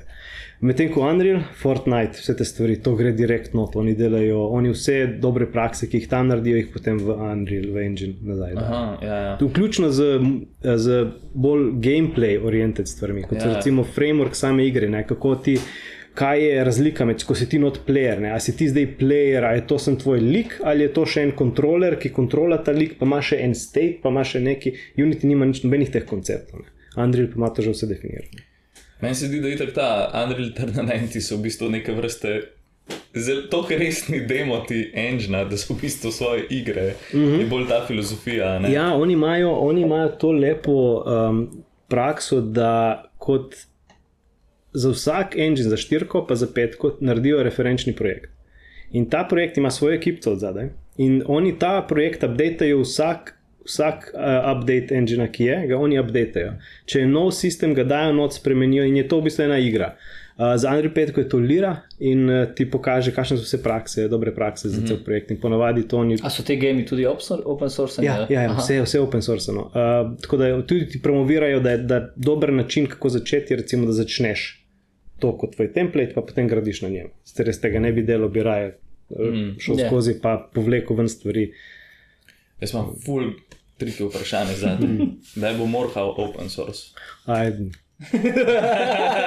Nisi believer v open source. Ja, Dragi poslušalci, ta uh, facial expression je priceless. Pa, pa ne sprašujem zato, ker bi rekel, ok, Ne, to mu je zdaj vzel, ne. pa kom, recompilal. Da, ampak- no, da, da to vprašanje malo drugače zapelje, Ja. da ne bomo ga gosta spravljali. v- v- SDK je pa na voljo. Aha. Sam ni pa source, je samo tisti Aha. vizualni scripting. Unreal Engine, pa Epic Games, pa Team Sweeney. A lahko to nam malo razložiš? Kak, ka, kakšna je ta filozofija Epic Gamesa, zakaj je lahko sploh Unreal Engine open source, pa kaj je ta neka vizija Epic Gamesa, ker Epic Games trenutno je ena izmed tistih tehnoloških firm, ki že 20-30 let se pripravlja na to, kar zdaj Facebook začel govoriti, metaverse, uh, ta neka pove, pač ne, immersive experience, pa to.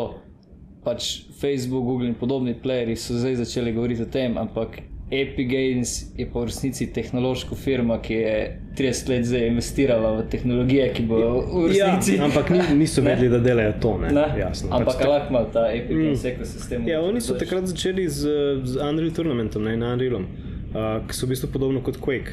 Pač to so bili te arene šuterji. Zdaj oni so ta engine potem vlekli uh, in nekako so bili edini, ki so ostali. Zdaj, zakaj je to lahko open source? Uh, Vse nobene težave, ni vsak engine je lahko open source. Mm. Sej, mislim, da bi zdaj kdo to potem. Uh, iskreno nič ne pridobiš s tem, da je closed source, razen če je closed source nebrljiv. Uh, in v večini primerov je, zato mm. ti nič ne pomaga, če je open source. Lahko imajo kakšne third party zadeve, ampak vse ima tudi Epic, pa mm, čeloma ni nekih težav. No. Um, ne, vem, ne vem, zakaj drugi skrivajo source, po mojem, zato ker enostavno ni na nivoju. Uh, Epic s tem nima nobenih težav, uh, pobirajo tistih 5% ponavadi od, uh, od izdaje, to je za njih čisto ok, ker jim je kar ogromni studiji ga uporabljajo. Ne? Recimo zdaj je CD Projekt, ki ima Witcher, pa te zadeve, oni so zdaj čisto prešaltili na Unreal. In tega je full, in oni sem že od tega lahko kar dobro uh, živijo, poleg tega pa vsi tako Fortnite zdaj izumljene. In to jim zdaj sem cash printa. Ampak je ta ekosistem Fortnite, uh, Engine, Store, Launcher, Ja, uh, zdaj, zdaj imajo še- publisherji dejansko so postali, oziroma so, če, če prav razumem. Ne, publisherji kot taki niso načeloma, mislim, se zdaj so vsaki lahko publisher, Aha, ne, ja. ja. to ni, uh, ni okay. nič za tem več. Ampak uh, oni so na začetku so začeli z Unrealom, to je bilo tam, dokler ni uh, Fortnite prišel ven. Ne. Oni so vedno delali sproti, so imeli engine team, pa imajo potem še time, ki delajo na igrah. In te timi, ki delajo na igrah, potem se pogovarjajo z engine timom in tako se engine update in posodablja. Uh, in oni so imeli kar nekaj flopov. No. Uh, izdali so takrat Paragon, ki je bila ena moba, neko so vsi delali mobe, da še ni delati mobo. Uh, Fortnite je bil kar neko, neko survival-ish thing, ki bi tudi mogla, mislim, da bila na nivoju, da bi flopnila. Uh -huh. Na poslu jo spremenili v ta Battle Royale in potem je bilo full cache. Uh, potem, kar se je zgodilo, uh, Unreal je bil že prej, tistih 5%, pa free, um, čisto ne povezano s tem. Uh, potem pa so začeli s tem storom, ne, z cachem od Fortnite. Uh, in s tem storom zdaj oni skušajo konkurirati proti Steamu, je sicer full manjši store, uh, bistveno manj playerjev, tam bistveno manj prodaja se, ja. ampak jih financirajo tudi s tem, da odkupijo ne, igre za nekaj časa, da so free. Pa, čeprav razumem, je tudi ta royalty, ki ga plačaš, manjši. Ali... Uh, ja, royalty je manjši. Ja. Sem, Nim, niti nima take veze. Mislim, ima, ima veze, ja. ampak je toliko malo prodaj. Mm. Da... Ja. Čakaj, Epic Games je imel neko uh, lawsuit z Apple Storom zaradi nekih. Uh, Lahko tudi to malo poveš. Če, če razumem, je, zakaj se tam gre. Ja, um, Ker je za industrijo, se mi zdi, da je nek tak pomemben. Ja, gre se za to, da nočejo plačati ne, um, tistih 30%. Aj, ampak to je povsod. Je kar velik problem, ker recimo Steam ima tistih 30%, ne, pa vse oni nič ne delajo več. Oni so cash printer, to je to. Mm. Uh, Ne moreš, ne moreš priti mimo tega, oni recimo z Epic Storom probajo, pa znižajo vse stvari, pa ne vem kaj, ampak to je toliko ingrained, da ne prideš noter. Mm. Čeprav je vse dostopno. Zdaj kaj še le na mobil, kjer sploh nimaš opcije. Ne? In je to res grozno, da potem imaš, da si forsiran plačati na 30%. Um, in uh, po, po drugi strani to tudi omejuje full uh, igre, ne, če gledaš na tak način. Oni nočejo sem 30%, oni hočejo imeti 30% tudi stvari, ki jih ti kupiš znotraj igre. Mm. Torej, če jaz naredim store v storu, bojo oni dobili 30%, jaz bom dobil 30%, on na koncu ne bo dobil nič. Ne? Mislim, ne vem, kam greš. Mm. Razlika, po mojem, predvsem zakaj. Um, Zakaj bi jaz se toliko fokusiral na to, če bi bil v njihovem, v njihovem položaju? Je? Če ti hočeš imeti game, pa znotraj, in da recimo, da je ta game bolj kot nek metaverse, ne? mm. da lahko not imaš vsebine, ki jih playeri naredijo. Edini način, da bodo delali dobre vsebine, je, če bodo bili plačeni za to in če bojo playeri kupili. Ampak če imaš ti to in ti stor pobere procente, ti pobereš procente in on, on pobere svoj delež, na koncu ne ostane nič in to ne more funkcionirati. Dokler ne izničiš stora, potem lahko komaj zaživi tak metaverse stil. Zdaj, ali narediš svoj stor, kar je full težko, ok, Facebooku je uspelo uh, na Questu, uh, tisti stor dominira, absolutno dominira. Uh, cifre so nenormalne v primerjavi z Steamom. Ne. Um, tako da, ja, to je glavni problem, po mojem, za njih. Um, itak pa še boljše je, pa, če ne rabijo plačati tudi.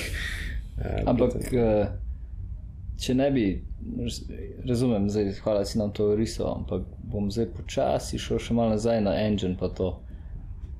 Če ne bi Unreal Engine bilo, a potem Unity, edina opcija še.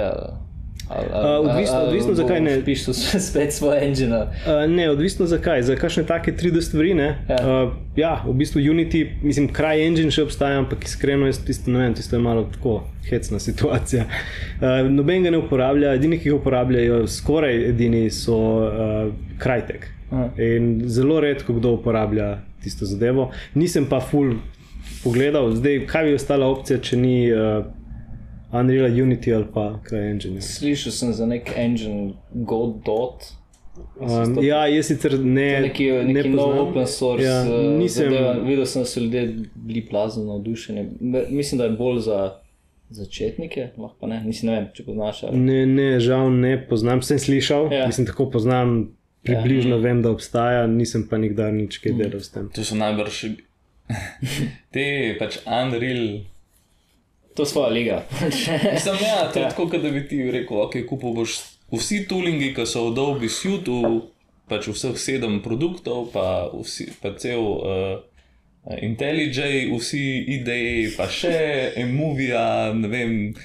Ves, to so samo te tuli, ki jih ti vidiš. eh, Ja, ke- mislim- to je pač tako kompleksno. Noro, noro je. Če je to pride nov player, gre za multigeneracijski effort, da uloviš. Ne, zdaj so tudi že studiji ne, nehali počasi svoj in-house, ker ne moreš Ne več. moreš, Je, ja. je že toliko teh stvari treba not imeti, da uh, od vseh različnih zadev, ne, od animacij do tega, ampak vedno gremo bolj, bolj, bolj kompleksno. Pa ni to, da sem animacije hentlaš, ampak sem animation design, zdaj kako te animacije skupaj lepiš. Ne. To so konec koncev vsem klipi, ne. ti moraš to narediti, da je nekako smooth, da gre vse in, in tega je en kup teh zadev.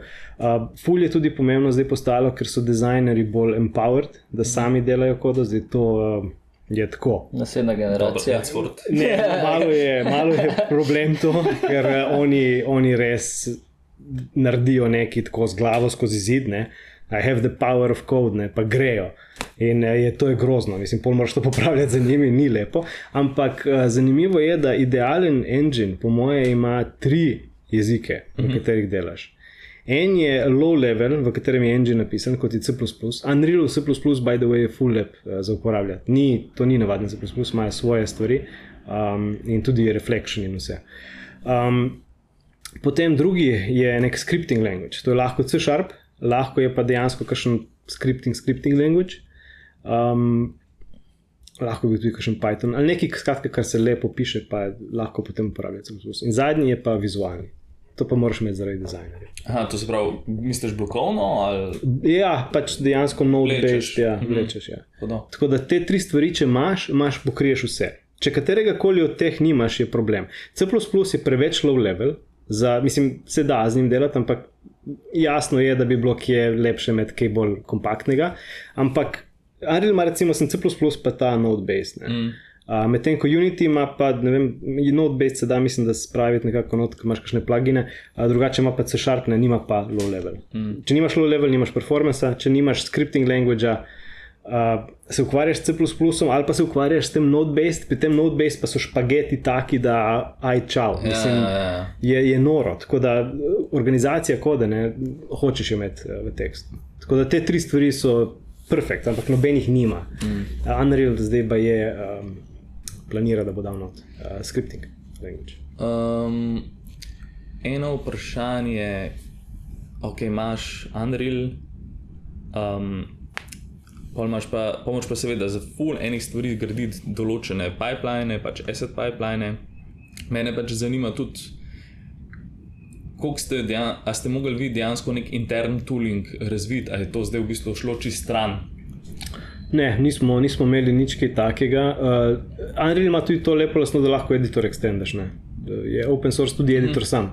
Tako da se da kaj narediti tam, uh, kakšno avtomatizacijo se da narediti znotraj editorja. Uh, to je kul, cool, ampak drugače pa ne, nič kaj dosti. Ne. Pa a ste mogli kupovati neke third party stvari, ne vem, jaz sem pol gledal, imaš dosti tega toolinga, ki je zelo specializiran, ne vem, za zvok, kako, da vem, tista, ne vem, pač, mm. a ste, Za zvok imaš ponovadi, to so pač Wise, je recimo en mm. tak, pa FMOD. Uh, nismo, ker Unreal ima zelo dobro narejeno, v bistvu ta zvok je kar uh, na nivoju. Uh, v Unity recimo je to že problem, mm. tam že ponovadi rabiš kaj. to se pravi, dejansko je Unreal, Self-sufficient je razen mm. edina stvar, ki jim je manjkala takrat, je bil backend. Uh, backend imamo pa PlayFab. uh -huh. Uh, ampak to ga integriraš not, uh, zdaj Unreal tudi tam začel delati, zdaj se s temi backendi full začelo, ne? ker zdaj game, ok, game, zdaj game engine je. narediš, ja. Imaš kul. Cool. Uh, store, ok, imamo. Imamo, ja. Uh, backend si ga uporablja od Stora, od Steama, zdaj je Ja. prišel še Epic, pa so prišle konzole, pa zdaj lahko Ja, daš še, ja. zdaj pa to ni več ok, moraš imeti cross-platform, Ja, zdaj pa seveda, moraš imeti ja. še backend. In backend je recimo v tem primeru PlayFab.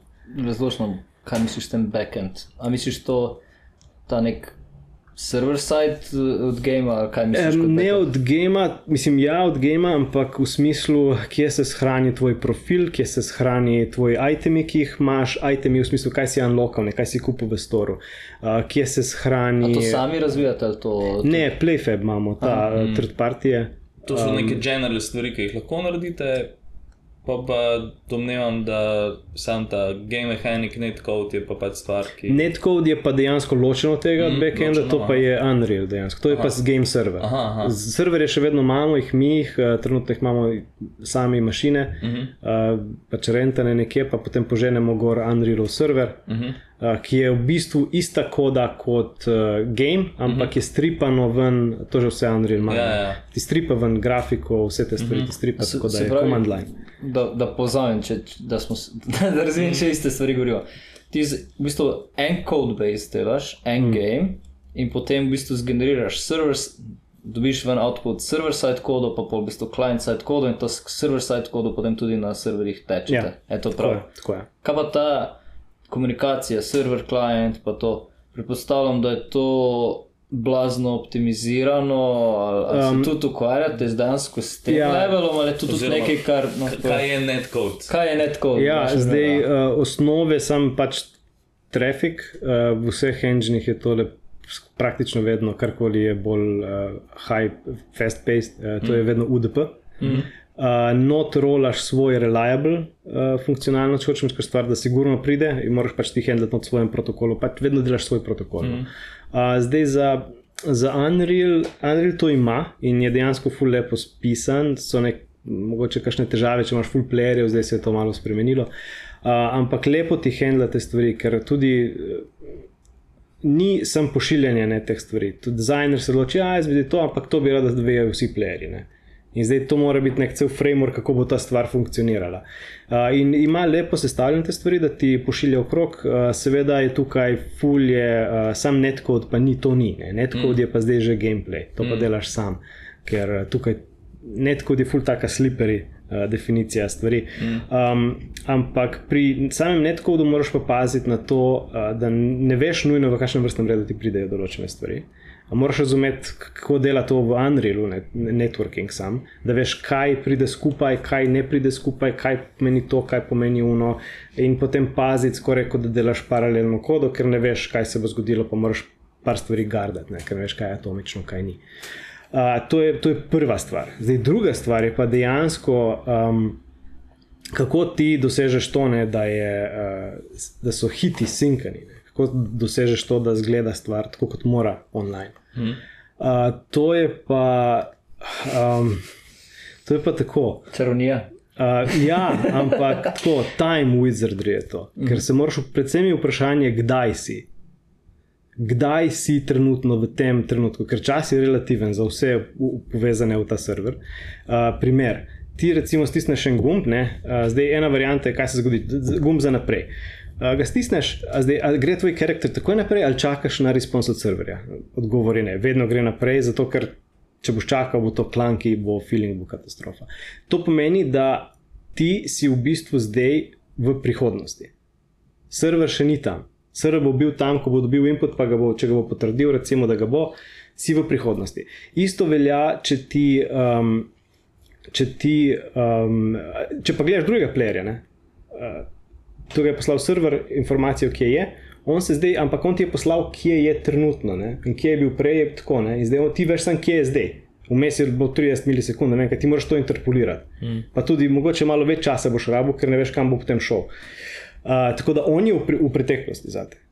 Za serverja je on v sedanjosti. In, in eh, kje se to zakomplicira? Recimo, da zdaj ti začneš en napad. Ti začneš napad, ki štarta takoj, torej je v prihodnosti, zadaneš enega tipa, ki je v preteklosti, ampak v serverju je sedanjosti, ampak ti si v prihodnosti, zato ti server pošlje in zdaj si ne vem, nekje v preteklosti dobiš ta registration nazaj.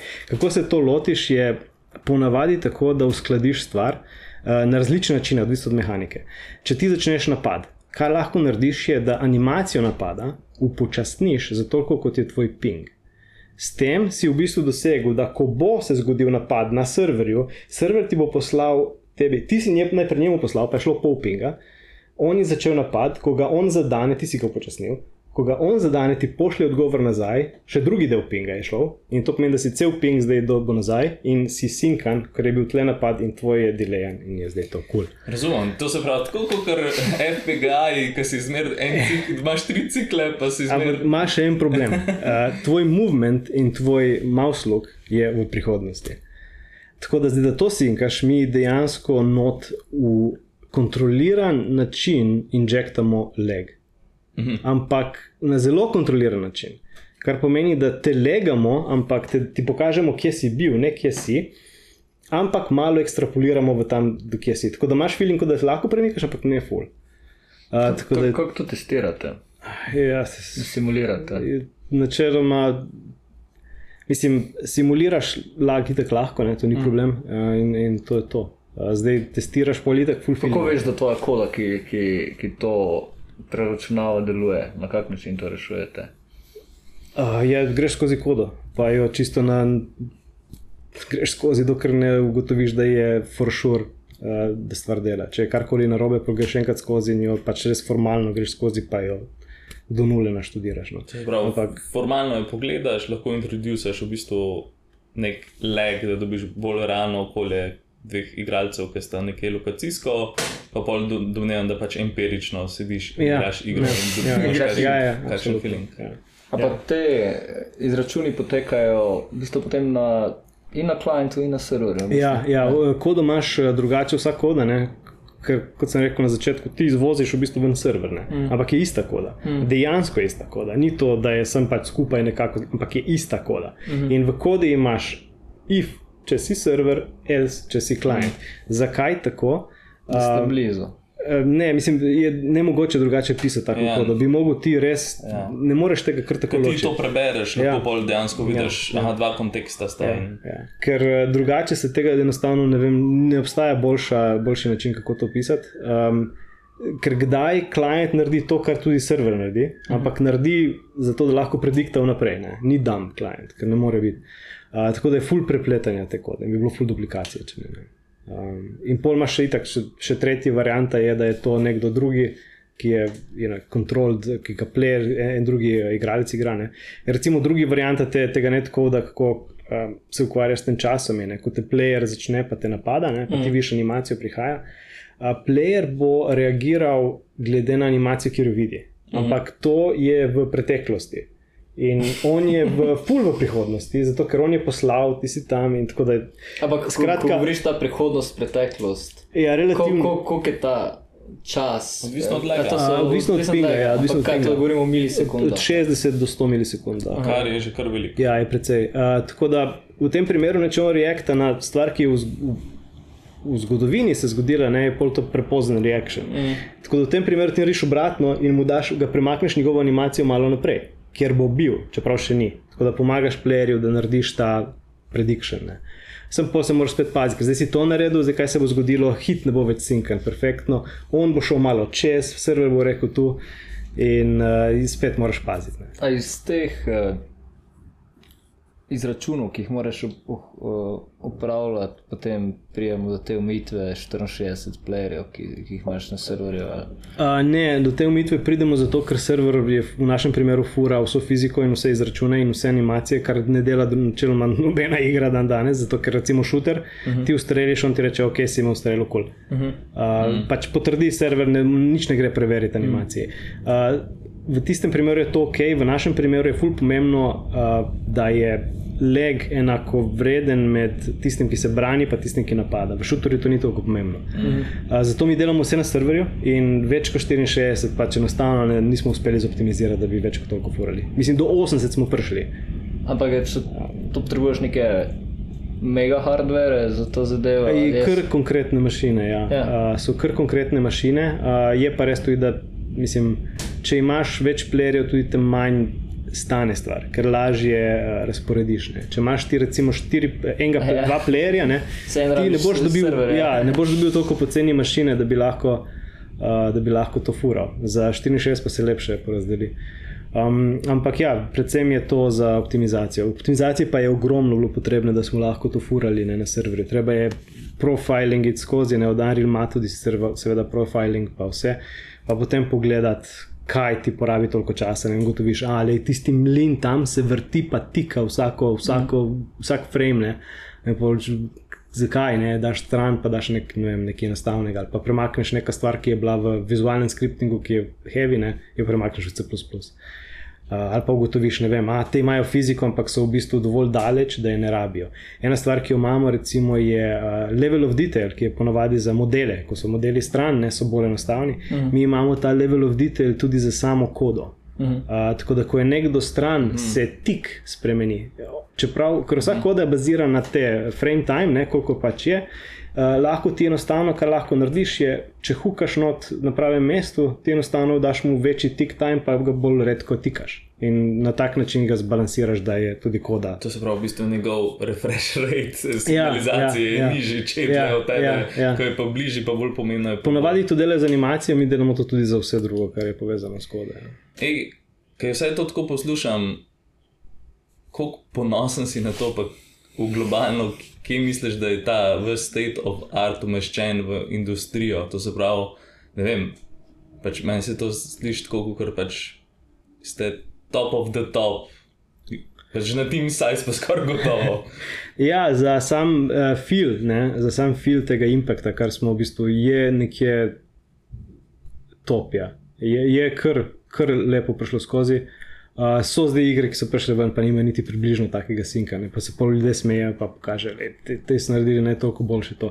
So sicer potem druge stvari, ki bi lahko bile boljše, ampak za tisto smo, mislim, da kar uh, ni, zaenkrat nismo videli še nič boljšega, da bi bilo bolj sinkano, mm. pa toliko svobode.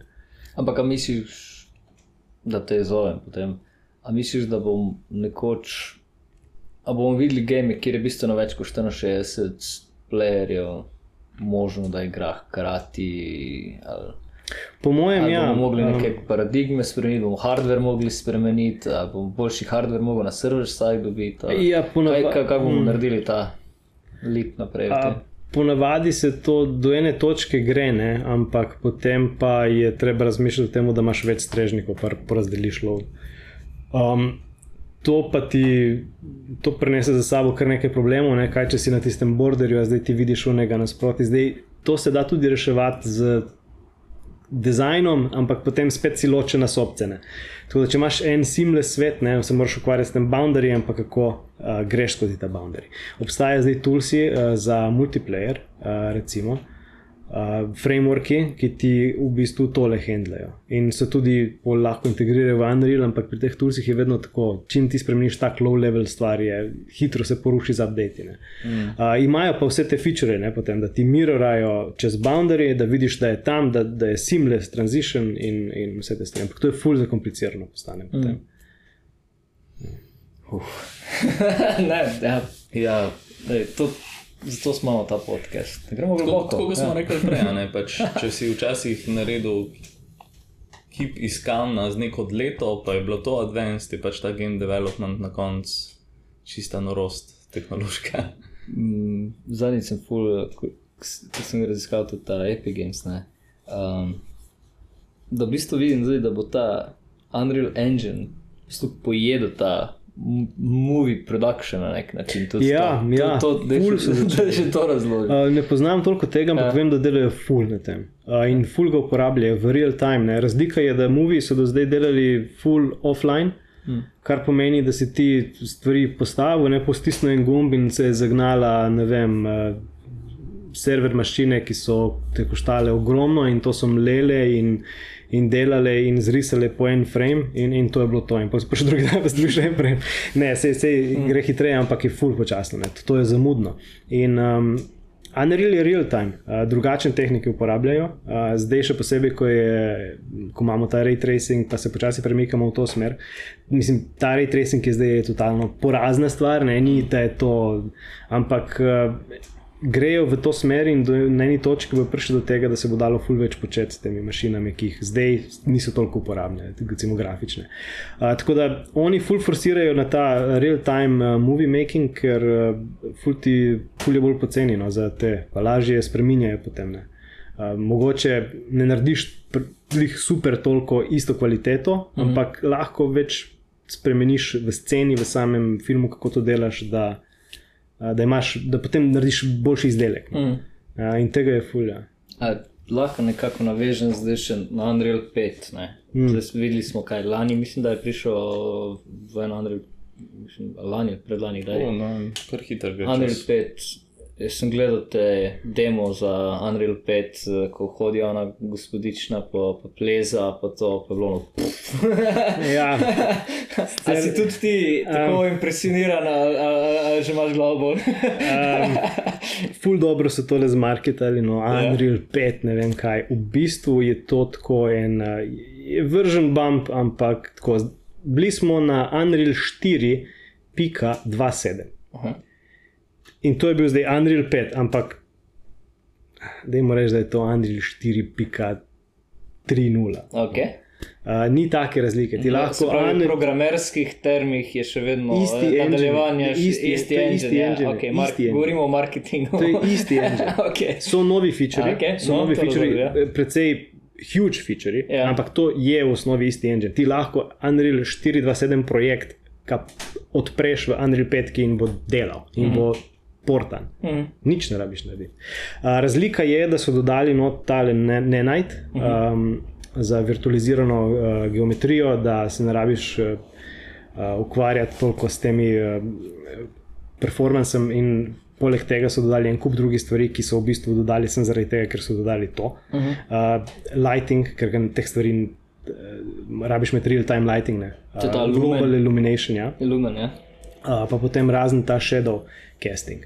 Um, ta shadow casting, uh, ki je bolj dinamičen, zato ker tradicionalno je ta shadow casting delal drugače in ko imaš ti ta nenajt not, ne dela več nič. In moraš imeti drugačen shadow casting. Mm. In tako da vse te stvari so dodali potem zaradi tega. Um, malo so še polepšali editor, pa tako, ampak je koda je ista no, v, v zadju. Uh, je pa Uh, mislim, vsi ti novi featuri, to je unstable, to zdaj ne moreš sploh uporabljati. Ne. Tudi Andrej ti je Epic je rekel, ne šipati nič zdaj s tem še. Uh, ne vemo, kam bo to šlo, uh, full je heavy performance hit. Uh, ko ti enkrat vklopiš ta ne najt, ne misliš, ok, kul, cool, zdaj lahko ne performance full boljši. Uh, v bistvu pa je zdaj problem, da a, zdaj pa moramo klopiti uh, Global Illumination, a, zdaj moramo klopiti uh, te shadowse in tako vsakič na 10 milisekund frame. Off, Mm. Tako da je zaenkrat uh, ne vemo, koliko tega se bo uporabljalo. Za, za verjetno posebej za tak game, kot imate vi, ko se full dogaja, ko je full multiplayer, pa vse, je, se to še bolj pozna, kot pa če ne vem, single person ali pa neka bolj lažja mehanika. Uh, najbolj se pozna za velike open world igre, uh -huh. ko, ko imajo res ogromne viste, pa fudalež. To mi niti nismo. Um, v tistem se pozna ful, mi smo imeli ful, ke, ful likov ne istočasno in te liki to, to ne, nič ne dobi uh, s tem, mm. ker ta ne najti je samo za statično geometrijo. Mm. Tako da je tisti je še vedno klasičen. Ampak eh, je, gre pa v to smer, ne, da je njihov cilj ni, da stvar zgleda lepše, nujno, uh -huh. ampak da je lažje zadelati. Ker trenutno je, mi recimo naredimo level, naredimo en model, ne, Artis naredi en model. Pol moramo zgenerirati iz tega uh, level of detail modele, ki so vedno grši. Uh -huh. In pol moraš imeti sistem, ki ti to handla, uh, da veš, katerega bomo zdaj prikazali. Pol greš stran, pa ugotoviš, ok, zdaj te karakteri, to je treba to zoptimizirati, pa malo manj teh materialov imeti na njih, da je manj tekstur, pa vse te stvari. In uh, ko si vse to končal, pa moraš pa še lighting bakat, pa to traja, ne vem, uh, ti traja, kaj sem, kakšno, zdaj odvisno, ajde, pol urce recimo, ampak razumeš, To vsakeč, ko- pomeni, da moraš zračunati z Ja, svetlobo, ja, za ja, ja, vsak, ja, vsa, vsako tako je. opcijo, Ja, kje, ja, kje je ja, svetloba, glede ja. na, na In, in to je zoprno, to moraš vsakeč videti, ko boš ti hotel šipati stvar. Ne za vse mape boš mogel zbildati to, zbildati uno, pa pol ima še ta. Malo te stavim. Da je to malo razložiti. Se pravi, za vsak level moram izračunati potencial, kje, potencialno, glede na možnost, kje se lahko nekdo nahaja s svetlobo in potem to nekam zapeč. Ali si to prav raz- razumel? Um, na splošno svetlobo zračunaš, kje je. ja, Zdaj za playerje ne, to, to nima Ja. veze, ker se tako premika za Ja. statične objekte. Zračunaš to, plus zračunaš tudi esence. ja, In to zapečeš. ja. Um, in to narediš, preden In to je del binarja, oziroma tega tako je, assetov tako je, zraven. Aha. ja. Uh, in to je zelo zamudno, kadarkoli premakneš neko stvar. Moraš tudi Vse na novo. Vse na novo. Uh, in to ni edina stvar. Pa imaš še eno, ko moraš vse te modele. Ti, okay, za en model ti imaš ta level of detail, ne, ampak polih mečeš en kup. Uh -huh. In zdaj ti moraš imeti v bistvu level of detail, ki je nekako hierarhičen, za specifično za ta level. In, uh, in nekako združite v en model. In temu pravimo uh, H-load. Uh -huh. In tudi to moraš zbirati. in to traja, ne vem, 50 minut, 40 minut, 30 minut, A, in tako kreša. Potem vaš, vaš CI, recimo. Upam, da si je. Ni to ena bifi kišta, ki ti rečeš, kalkulate, pa pa upload. Ja, tri tedne um, traja. Zdaj, trenutno, Team City uporabljamo Aha. za Aha. koordinirati stvari. Uh, imamo pa eno bifi kišto, ja. in, uh, in pač zbilda. Vse gre. Vse ima svojo, um, svoj, svoj, svoj del, kjer živi. Um, ampak ne, včasih smo to pač, ne vem, nekdo je imel doma eno teh izbildov, drugi programerno. Ne čez building. Tukaj za ta najnight konkretno nam je Goran rekel, ko smo se povedali, um, da je to velika sprememba, ok, za engine, pa za game builderje, yeah. Ja. ampak tudi tooling za umetnike, ki morajo ja, ja. Vem, delati te esete, te ja. uh, like in vse ostalo, da ta tooling v resnici še ni zrel za tak, uh, za tak kompleksen uh, zadev. Ja, full, uh, mislim, da je to, poleg tega je še recimo ray tracing, ne, ja. uh, ker tudi so uh, zdaj. Artist, ko dela model, ne, on mora poenostaviti stvari, ne sme biti preveč detajlov, ampak detajle imamo še vedno radi. Zato te detajle mi zbekamo v en normal map. Uh mhm. -huh. Ki ti te detajle potem prikaže na nek heki način. Če hočeš imeti, eh, recimo, da je reflection, pa te stvari, pa pomaš material, pa daš nekaj v teksturo, upišeš točno te prave stvari, uh -huh. da mhm. se potem tako sveti. Ampak to je vse full. Uh, Fulejnih layerjev, ki jih moraš dodajati, pa skrbeti za njih, pa ne vem kaj. Uh, če imaš tak sistem, ne, potem se ne rabiš več s tem sekirati, ker ti on to handla, ko ga ti importaš, ti engine dejansko to handla in ti to streama na tak način, da je, dobiš točno ono, kar rabiš in nič več in nič manj in se ne rabiš s tem ukvarjati. Če imaš ray tracing, recimo, se ne rabiš ukvarjati potem z raznimi uh, refleksioni, ki, ki jih ponovadi hekaš na nek način, pa te stvari. V bistvu game development je fulejnih hekov. Uh, in če hočeš imeti eno stvar, če hočeš imeti eno ogledalo, narediš eno kamero, ki ti zriše ven cel svet, ne pa potem zrišeš to kot teksturo. Zdaj pa To je, mislim. Vrata sem slišal, da, da je. ja, tisto je bolj zaradi dizajna. Ja. Zaradi dizajna ja. ja, pač v bistvu tvoj job je narediti matrico na full slabem hardveru, tako da je pač ljudem mislijo, da dejansko je taka. ja, pa, ko nekdo nekaj ne gleda, tistega ni. Ne? Ja. Naši, uh, naše animacije zginejo, ko, ko, uh, ko jih ne gledaš. Ne? Ja. Ampak smo imeli problem, da ljudje niso čuli, če je nekdo hodil za njimi. Ja, seveda ne. če zginejo vse. Ne, če, če je pač sem hodil. Ne, um, ja, tu še imam nekaj ta vprašanja. Mislim, da smo se dotaknili, kako pohendlaš popularnost spike igre. Ne? Zdaj razlagal si, da pač ta imaš. Uh, um, server-side kodo. Um, verjetno potem, ko ste šli na, te, na, na Steam Store, ste bili na, na, na prvi načrtu, mm. pa Kickstarter, pa to. Um, ja, vse nam je crkveno. ne, igra je uspešna. Čisto, čisto na hard, ampak toliko nam je crkveno, da nismo vedeli, kako popraviti. Uh, dejansko je bil, ne vem, nisem imel čez uh, tega backenda, ampak uh, ta drugi kolega, ki je imel to čez, je rekel: pač, ne vem, jaz nisem.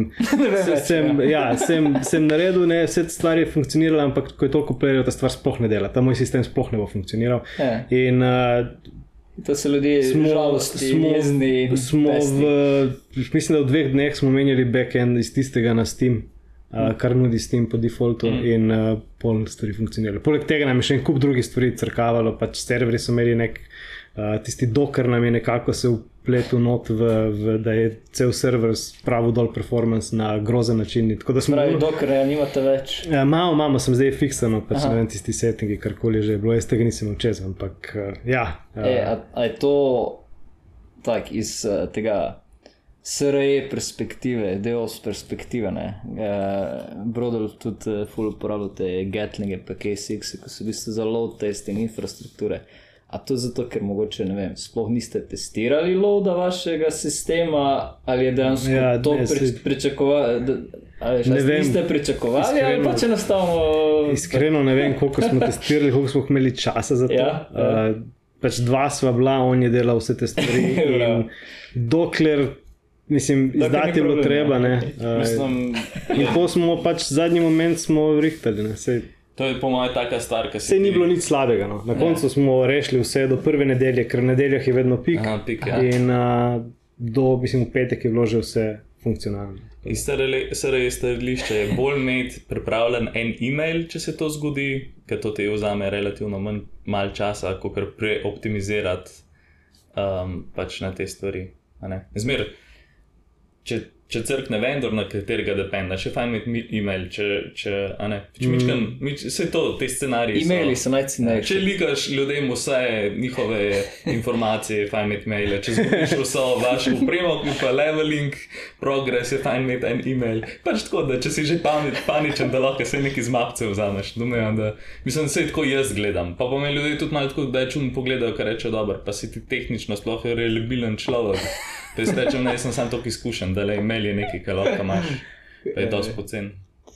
Zdaj, če se malo delimo še od teh uh, engina pa tega, uh, pa rečem, zdaj Microsoftov, ta neki šef inženiringa, ali kaj je par tednov nazaj rekel, da imajo ful težav zaradi napačne uporabe teh C-ja, C++ in da ful veliko stavijo na, na Rust kot nek uh, jezik prihodnosti za low-level pa sistemsko programiranje.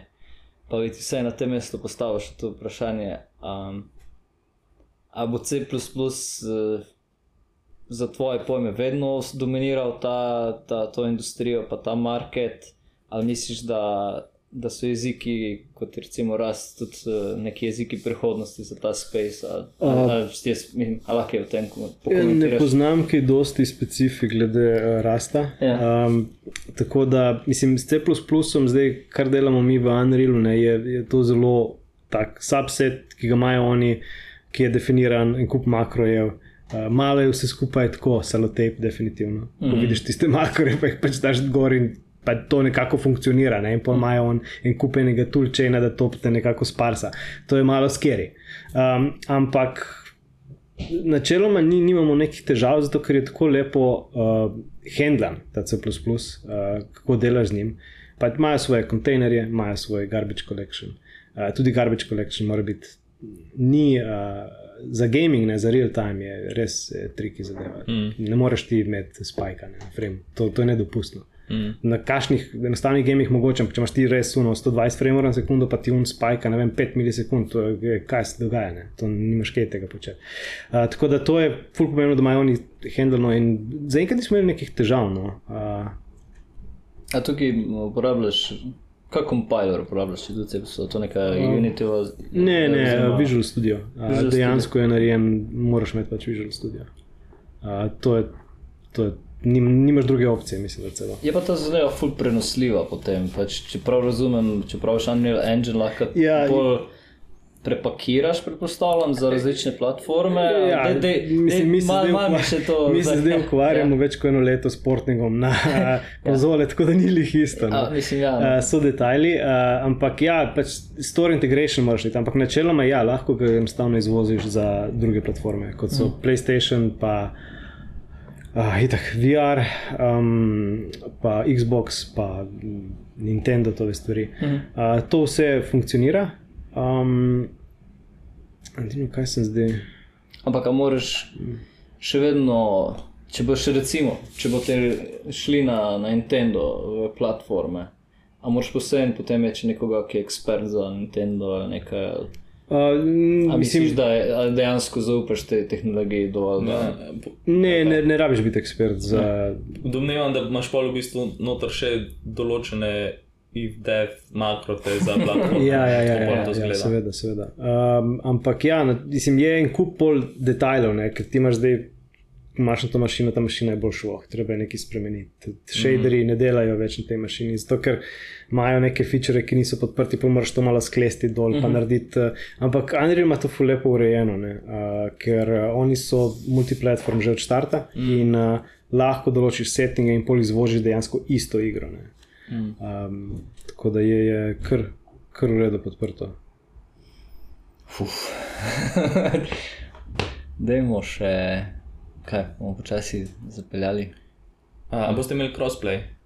Um, z med konzolami, ja, med PC-jem pa ne, zato mm. ker je PC player base preveč skilled. Aha, zaradi tega. Ja. Zdaj imate kaj, imate na Steamu, imate dedicated, uh, ste šli pa nazaj. Ali? Ne, ne, na Steamu smo, uh, store. store Mislim, ja, ja, backend naš je pa na PlayFab. Ja, ja, Tako da backend je multiplatform, PlayFab lahko se konekta na vse. Mm. In uh, to je v bistvu ful pomagane potem. Zdaj aha. Epic dela tudi svoje tukaj, uh, Epic Online Services, aha, aha. ki so tudi ful zanimivi in so dejansko free. Uh, samo takrat tega še ni bilo. Okay. In je full dober tak backend, ker imaš, uh, kaj dobijo oni od tega, uh, ja, epic račun imaš. Ne? Ja, ja.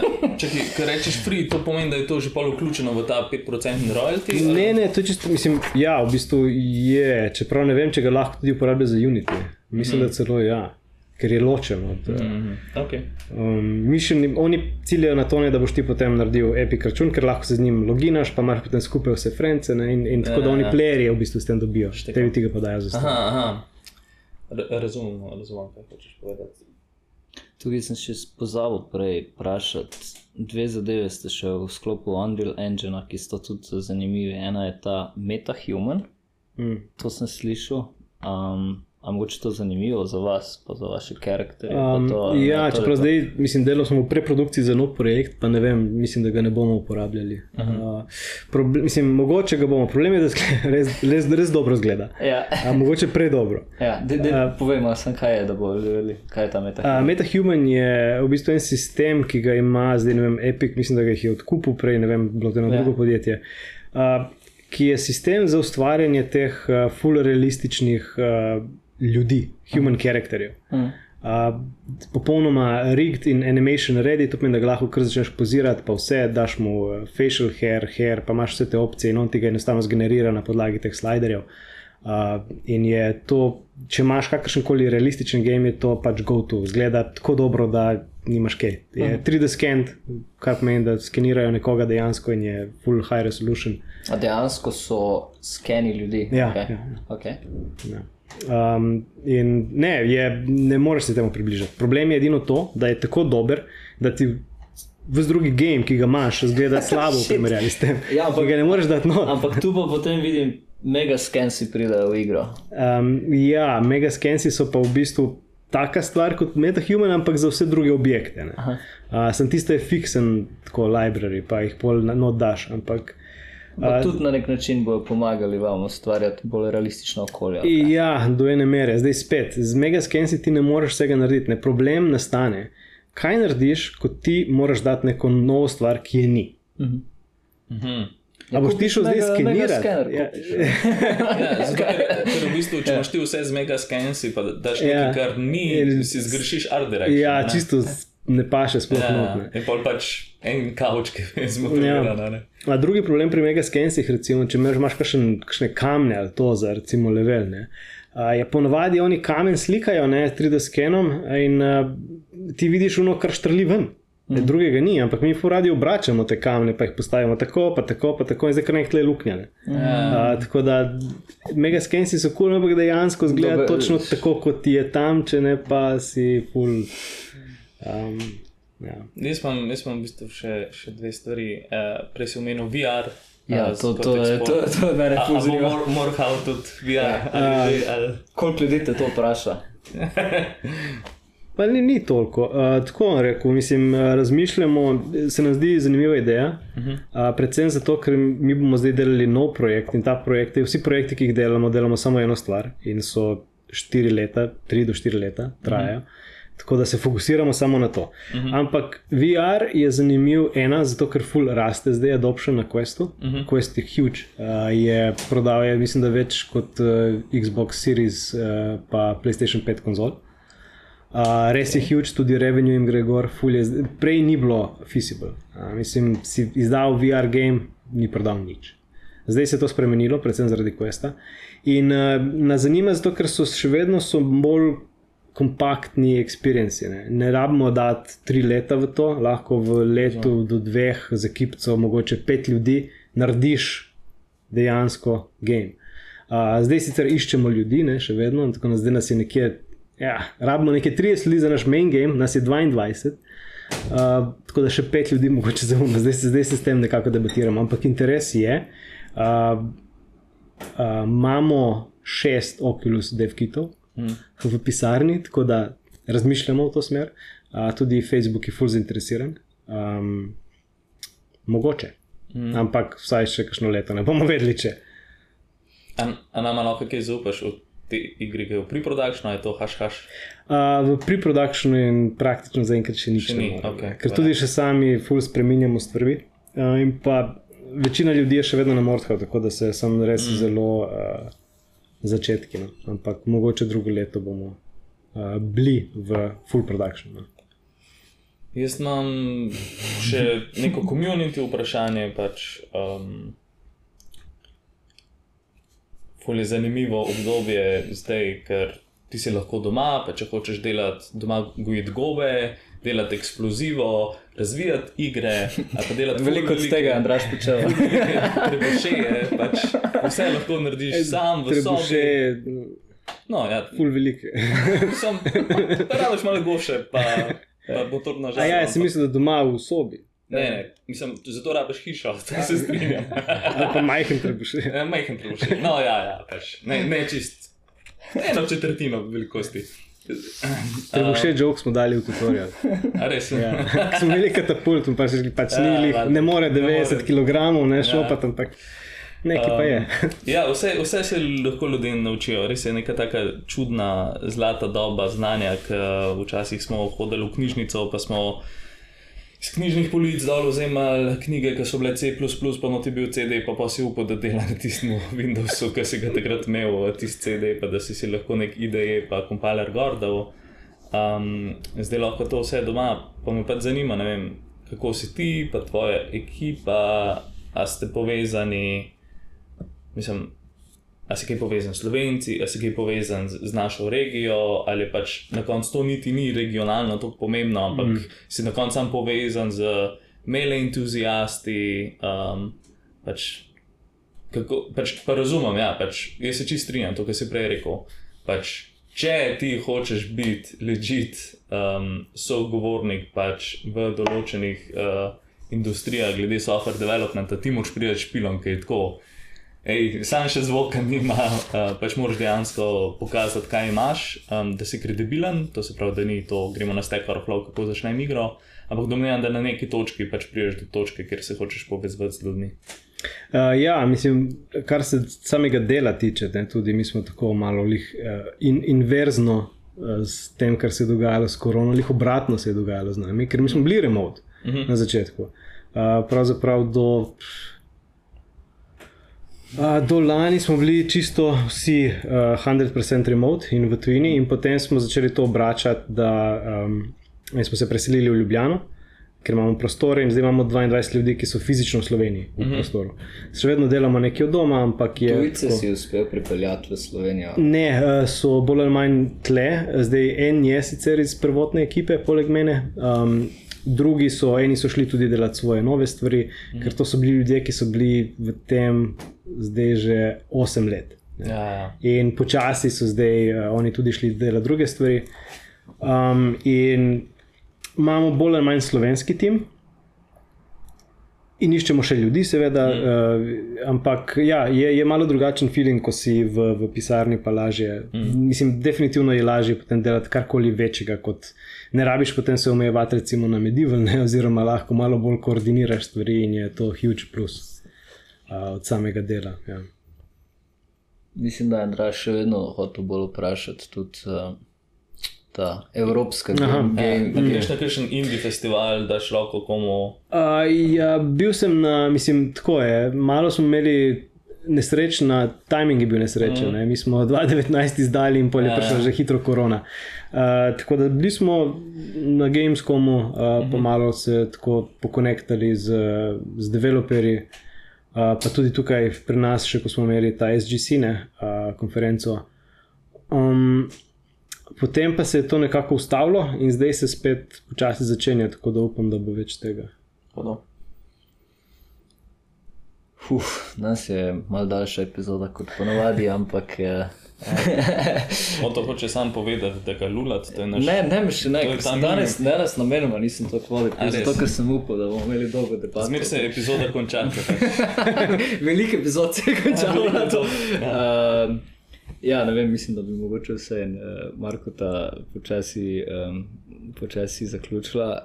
Um, bi še pa to vprašal, da zdaj um, toliko velik znanja, energije, optimizacij, detajlov. Zdaj bo tako eksplicit jebanja v, te, v tej igri. Um, in ko poslušam, sem zdi, da tist, mislim, da je 30 evrov poštaje game, nekaj takega, se mi zdi, da je full prepoceni. tak da, um, tak, ogromno inženiring znanja, pa pešena, pa, pa znanje notrno. Mislim, tak se mi zdi, da je. Tyle, čestitke za, za, za dosežen release, čestitke, da ste se uspeli čez te tehnične izzive prebiti, pa čestitke, da to ljudi pride, pride do tega, da lahko igra to vaš gen. Uh, to, um, za nekega vprašanja tu nimam, ampak res sem tako. Uh, Hočem reči, da se mi zdi preniska cena v resnici za, ja, za, za to, ampak razumem, da je market. Pa, ja, ja, mislim, ja. je tudi ni nujno, da ti pomaga. Zdaj, par stvari balansiraš pri ceni. Ne, ne veš, ker ne prodajaš enemu kupcu, ne prodajaš ja. celemu trgu. Uh, tudi pri online igri ne, je odvisno od tega, koliko playerjev imaš. Tako da, če daš previsoko ceno, mm. si ti lahko prodaš isto količino, mislim, v, kar se tiče revenue, ampak uh, imaš manj playerjev, pa potem je to malo problem. Mm. Tako da zato je to free to play, ker uh, mimo grede, danes uh, v četrtek, um, ne vem, kdaj gre to gor. Mm, ponedeljek, bom nekaj časa. Pa ne bomo nič menili. Imamo free weekend, Mislim, ampak ko pride ven, tako da bo to. Danes je četrtek, a ja, danes imate free weekend. Ja, danes no, imamo free weekend in v ponedeljek. Ponedeljek konča. Recimo, da se izobražujemo v teh socialnih medijih, to, in lahko naredimo, pač lahko napišemo, da, da smo se pogovarjali, da naj izkoristimo to promocijo in da naj potem tudi kontent uh, po, po, poslušajo. Tako da bomo zagotovo nekaj naredili v tej smeri, kar koli pač potrebuješ. Um, da mi še samo mogoče to povej. Uh, zdaj si da si direktor. Nisi, nisi, nisi tehnični direktor, si tehnični direktor. Ne, nisi ja. tehnični direktor, si direktor. Tudi tehnični direktor. Uh, uh, kako to zbalansiraš, da mi še to malo povej? Ja. Se ne vem, mislim, občutek vam, da, da te tisti izzivi, milisekund, pa šejderji, pa to bistveno bolj zanimajo, kot ukvarjati se, kdaj gre kdo na dopust. Pa... Uh, ja, to, to sigurno, to sigurno. Um, jaz sem pač prevzel določene še druge obveznosti, vedno prije s tem, vse potem jih sproti dam stran, te stvari, Aha. ki jih uh, nočem imeti. Uh, tako da vse počasi zbalansira, vedno prije kaj novega, pa vedno kaj daš stran. Um, absolutno ni, da je uh, menedžiranje ne, ljudi, da, da je to nekaj, kar uh, mi je cilj. Um, ja, počasi uh, najdemo koga drugega, da kaj upravi, pa optimiziramo. Delegiraš. Ja. Okay. Um, nič, Marko uh, Gorgurovič, če se fulj si trudim, pravilno. Grgorovič, jaz se ti fulj zahvaljujem, da si, da si danes delil z nami svoje znanje in izkušnje in uh, ti želimo res vse najboljše v, v naprej v podjetju in, in drugače. Um, bi te pa že vse en prosil, če mogoče imaš še ti kako zaključno misel. E, ja, ne, hvala, hvala za povabilo. Um, kaj pa vem? Uh, Če delate game, pišite mail. Ja, če vas zanima delati v industriji, kar pošljite mail. Um, vse imamo tudi na naši strani, kakšne pozicije so odprte, ampak načeloma smo fulj veseli, uh, če je kdo res perspektiven. Uh, tako da ja, smo tu. Uh, rastemo in upamo, da bo tudi kaj več industrije v Sloveniji kot uh, posledica tega, ne pa ne da samo mobil, uh, ampak da imamo tudi konkretno kakšen studio. Um, da, ja. Hvala. Zdaj Jaz bi se na tej točki zahvalil še tudi eh, Goranu, Kodruno, Janku, Tometelko in Andreji Skoto uh, za, za pomoč pri pripravi te epizode. Uh, in in pod, uh, pohvala tudi uh, Andražu Brodoru, Brodniku za, za co-hosting. Uh, hvala, če vam je bila vsebina všeč, jo prosim delite, dajte nam kakšen komentar, pa uh, igrajte igrice. Ja. Pač zaveste še če vle, pa pete spat.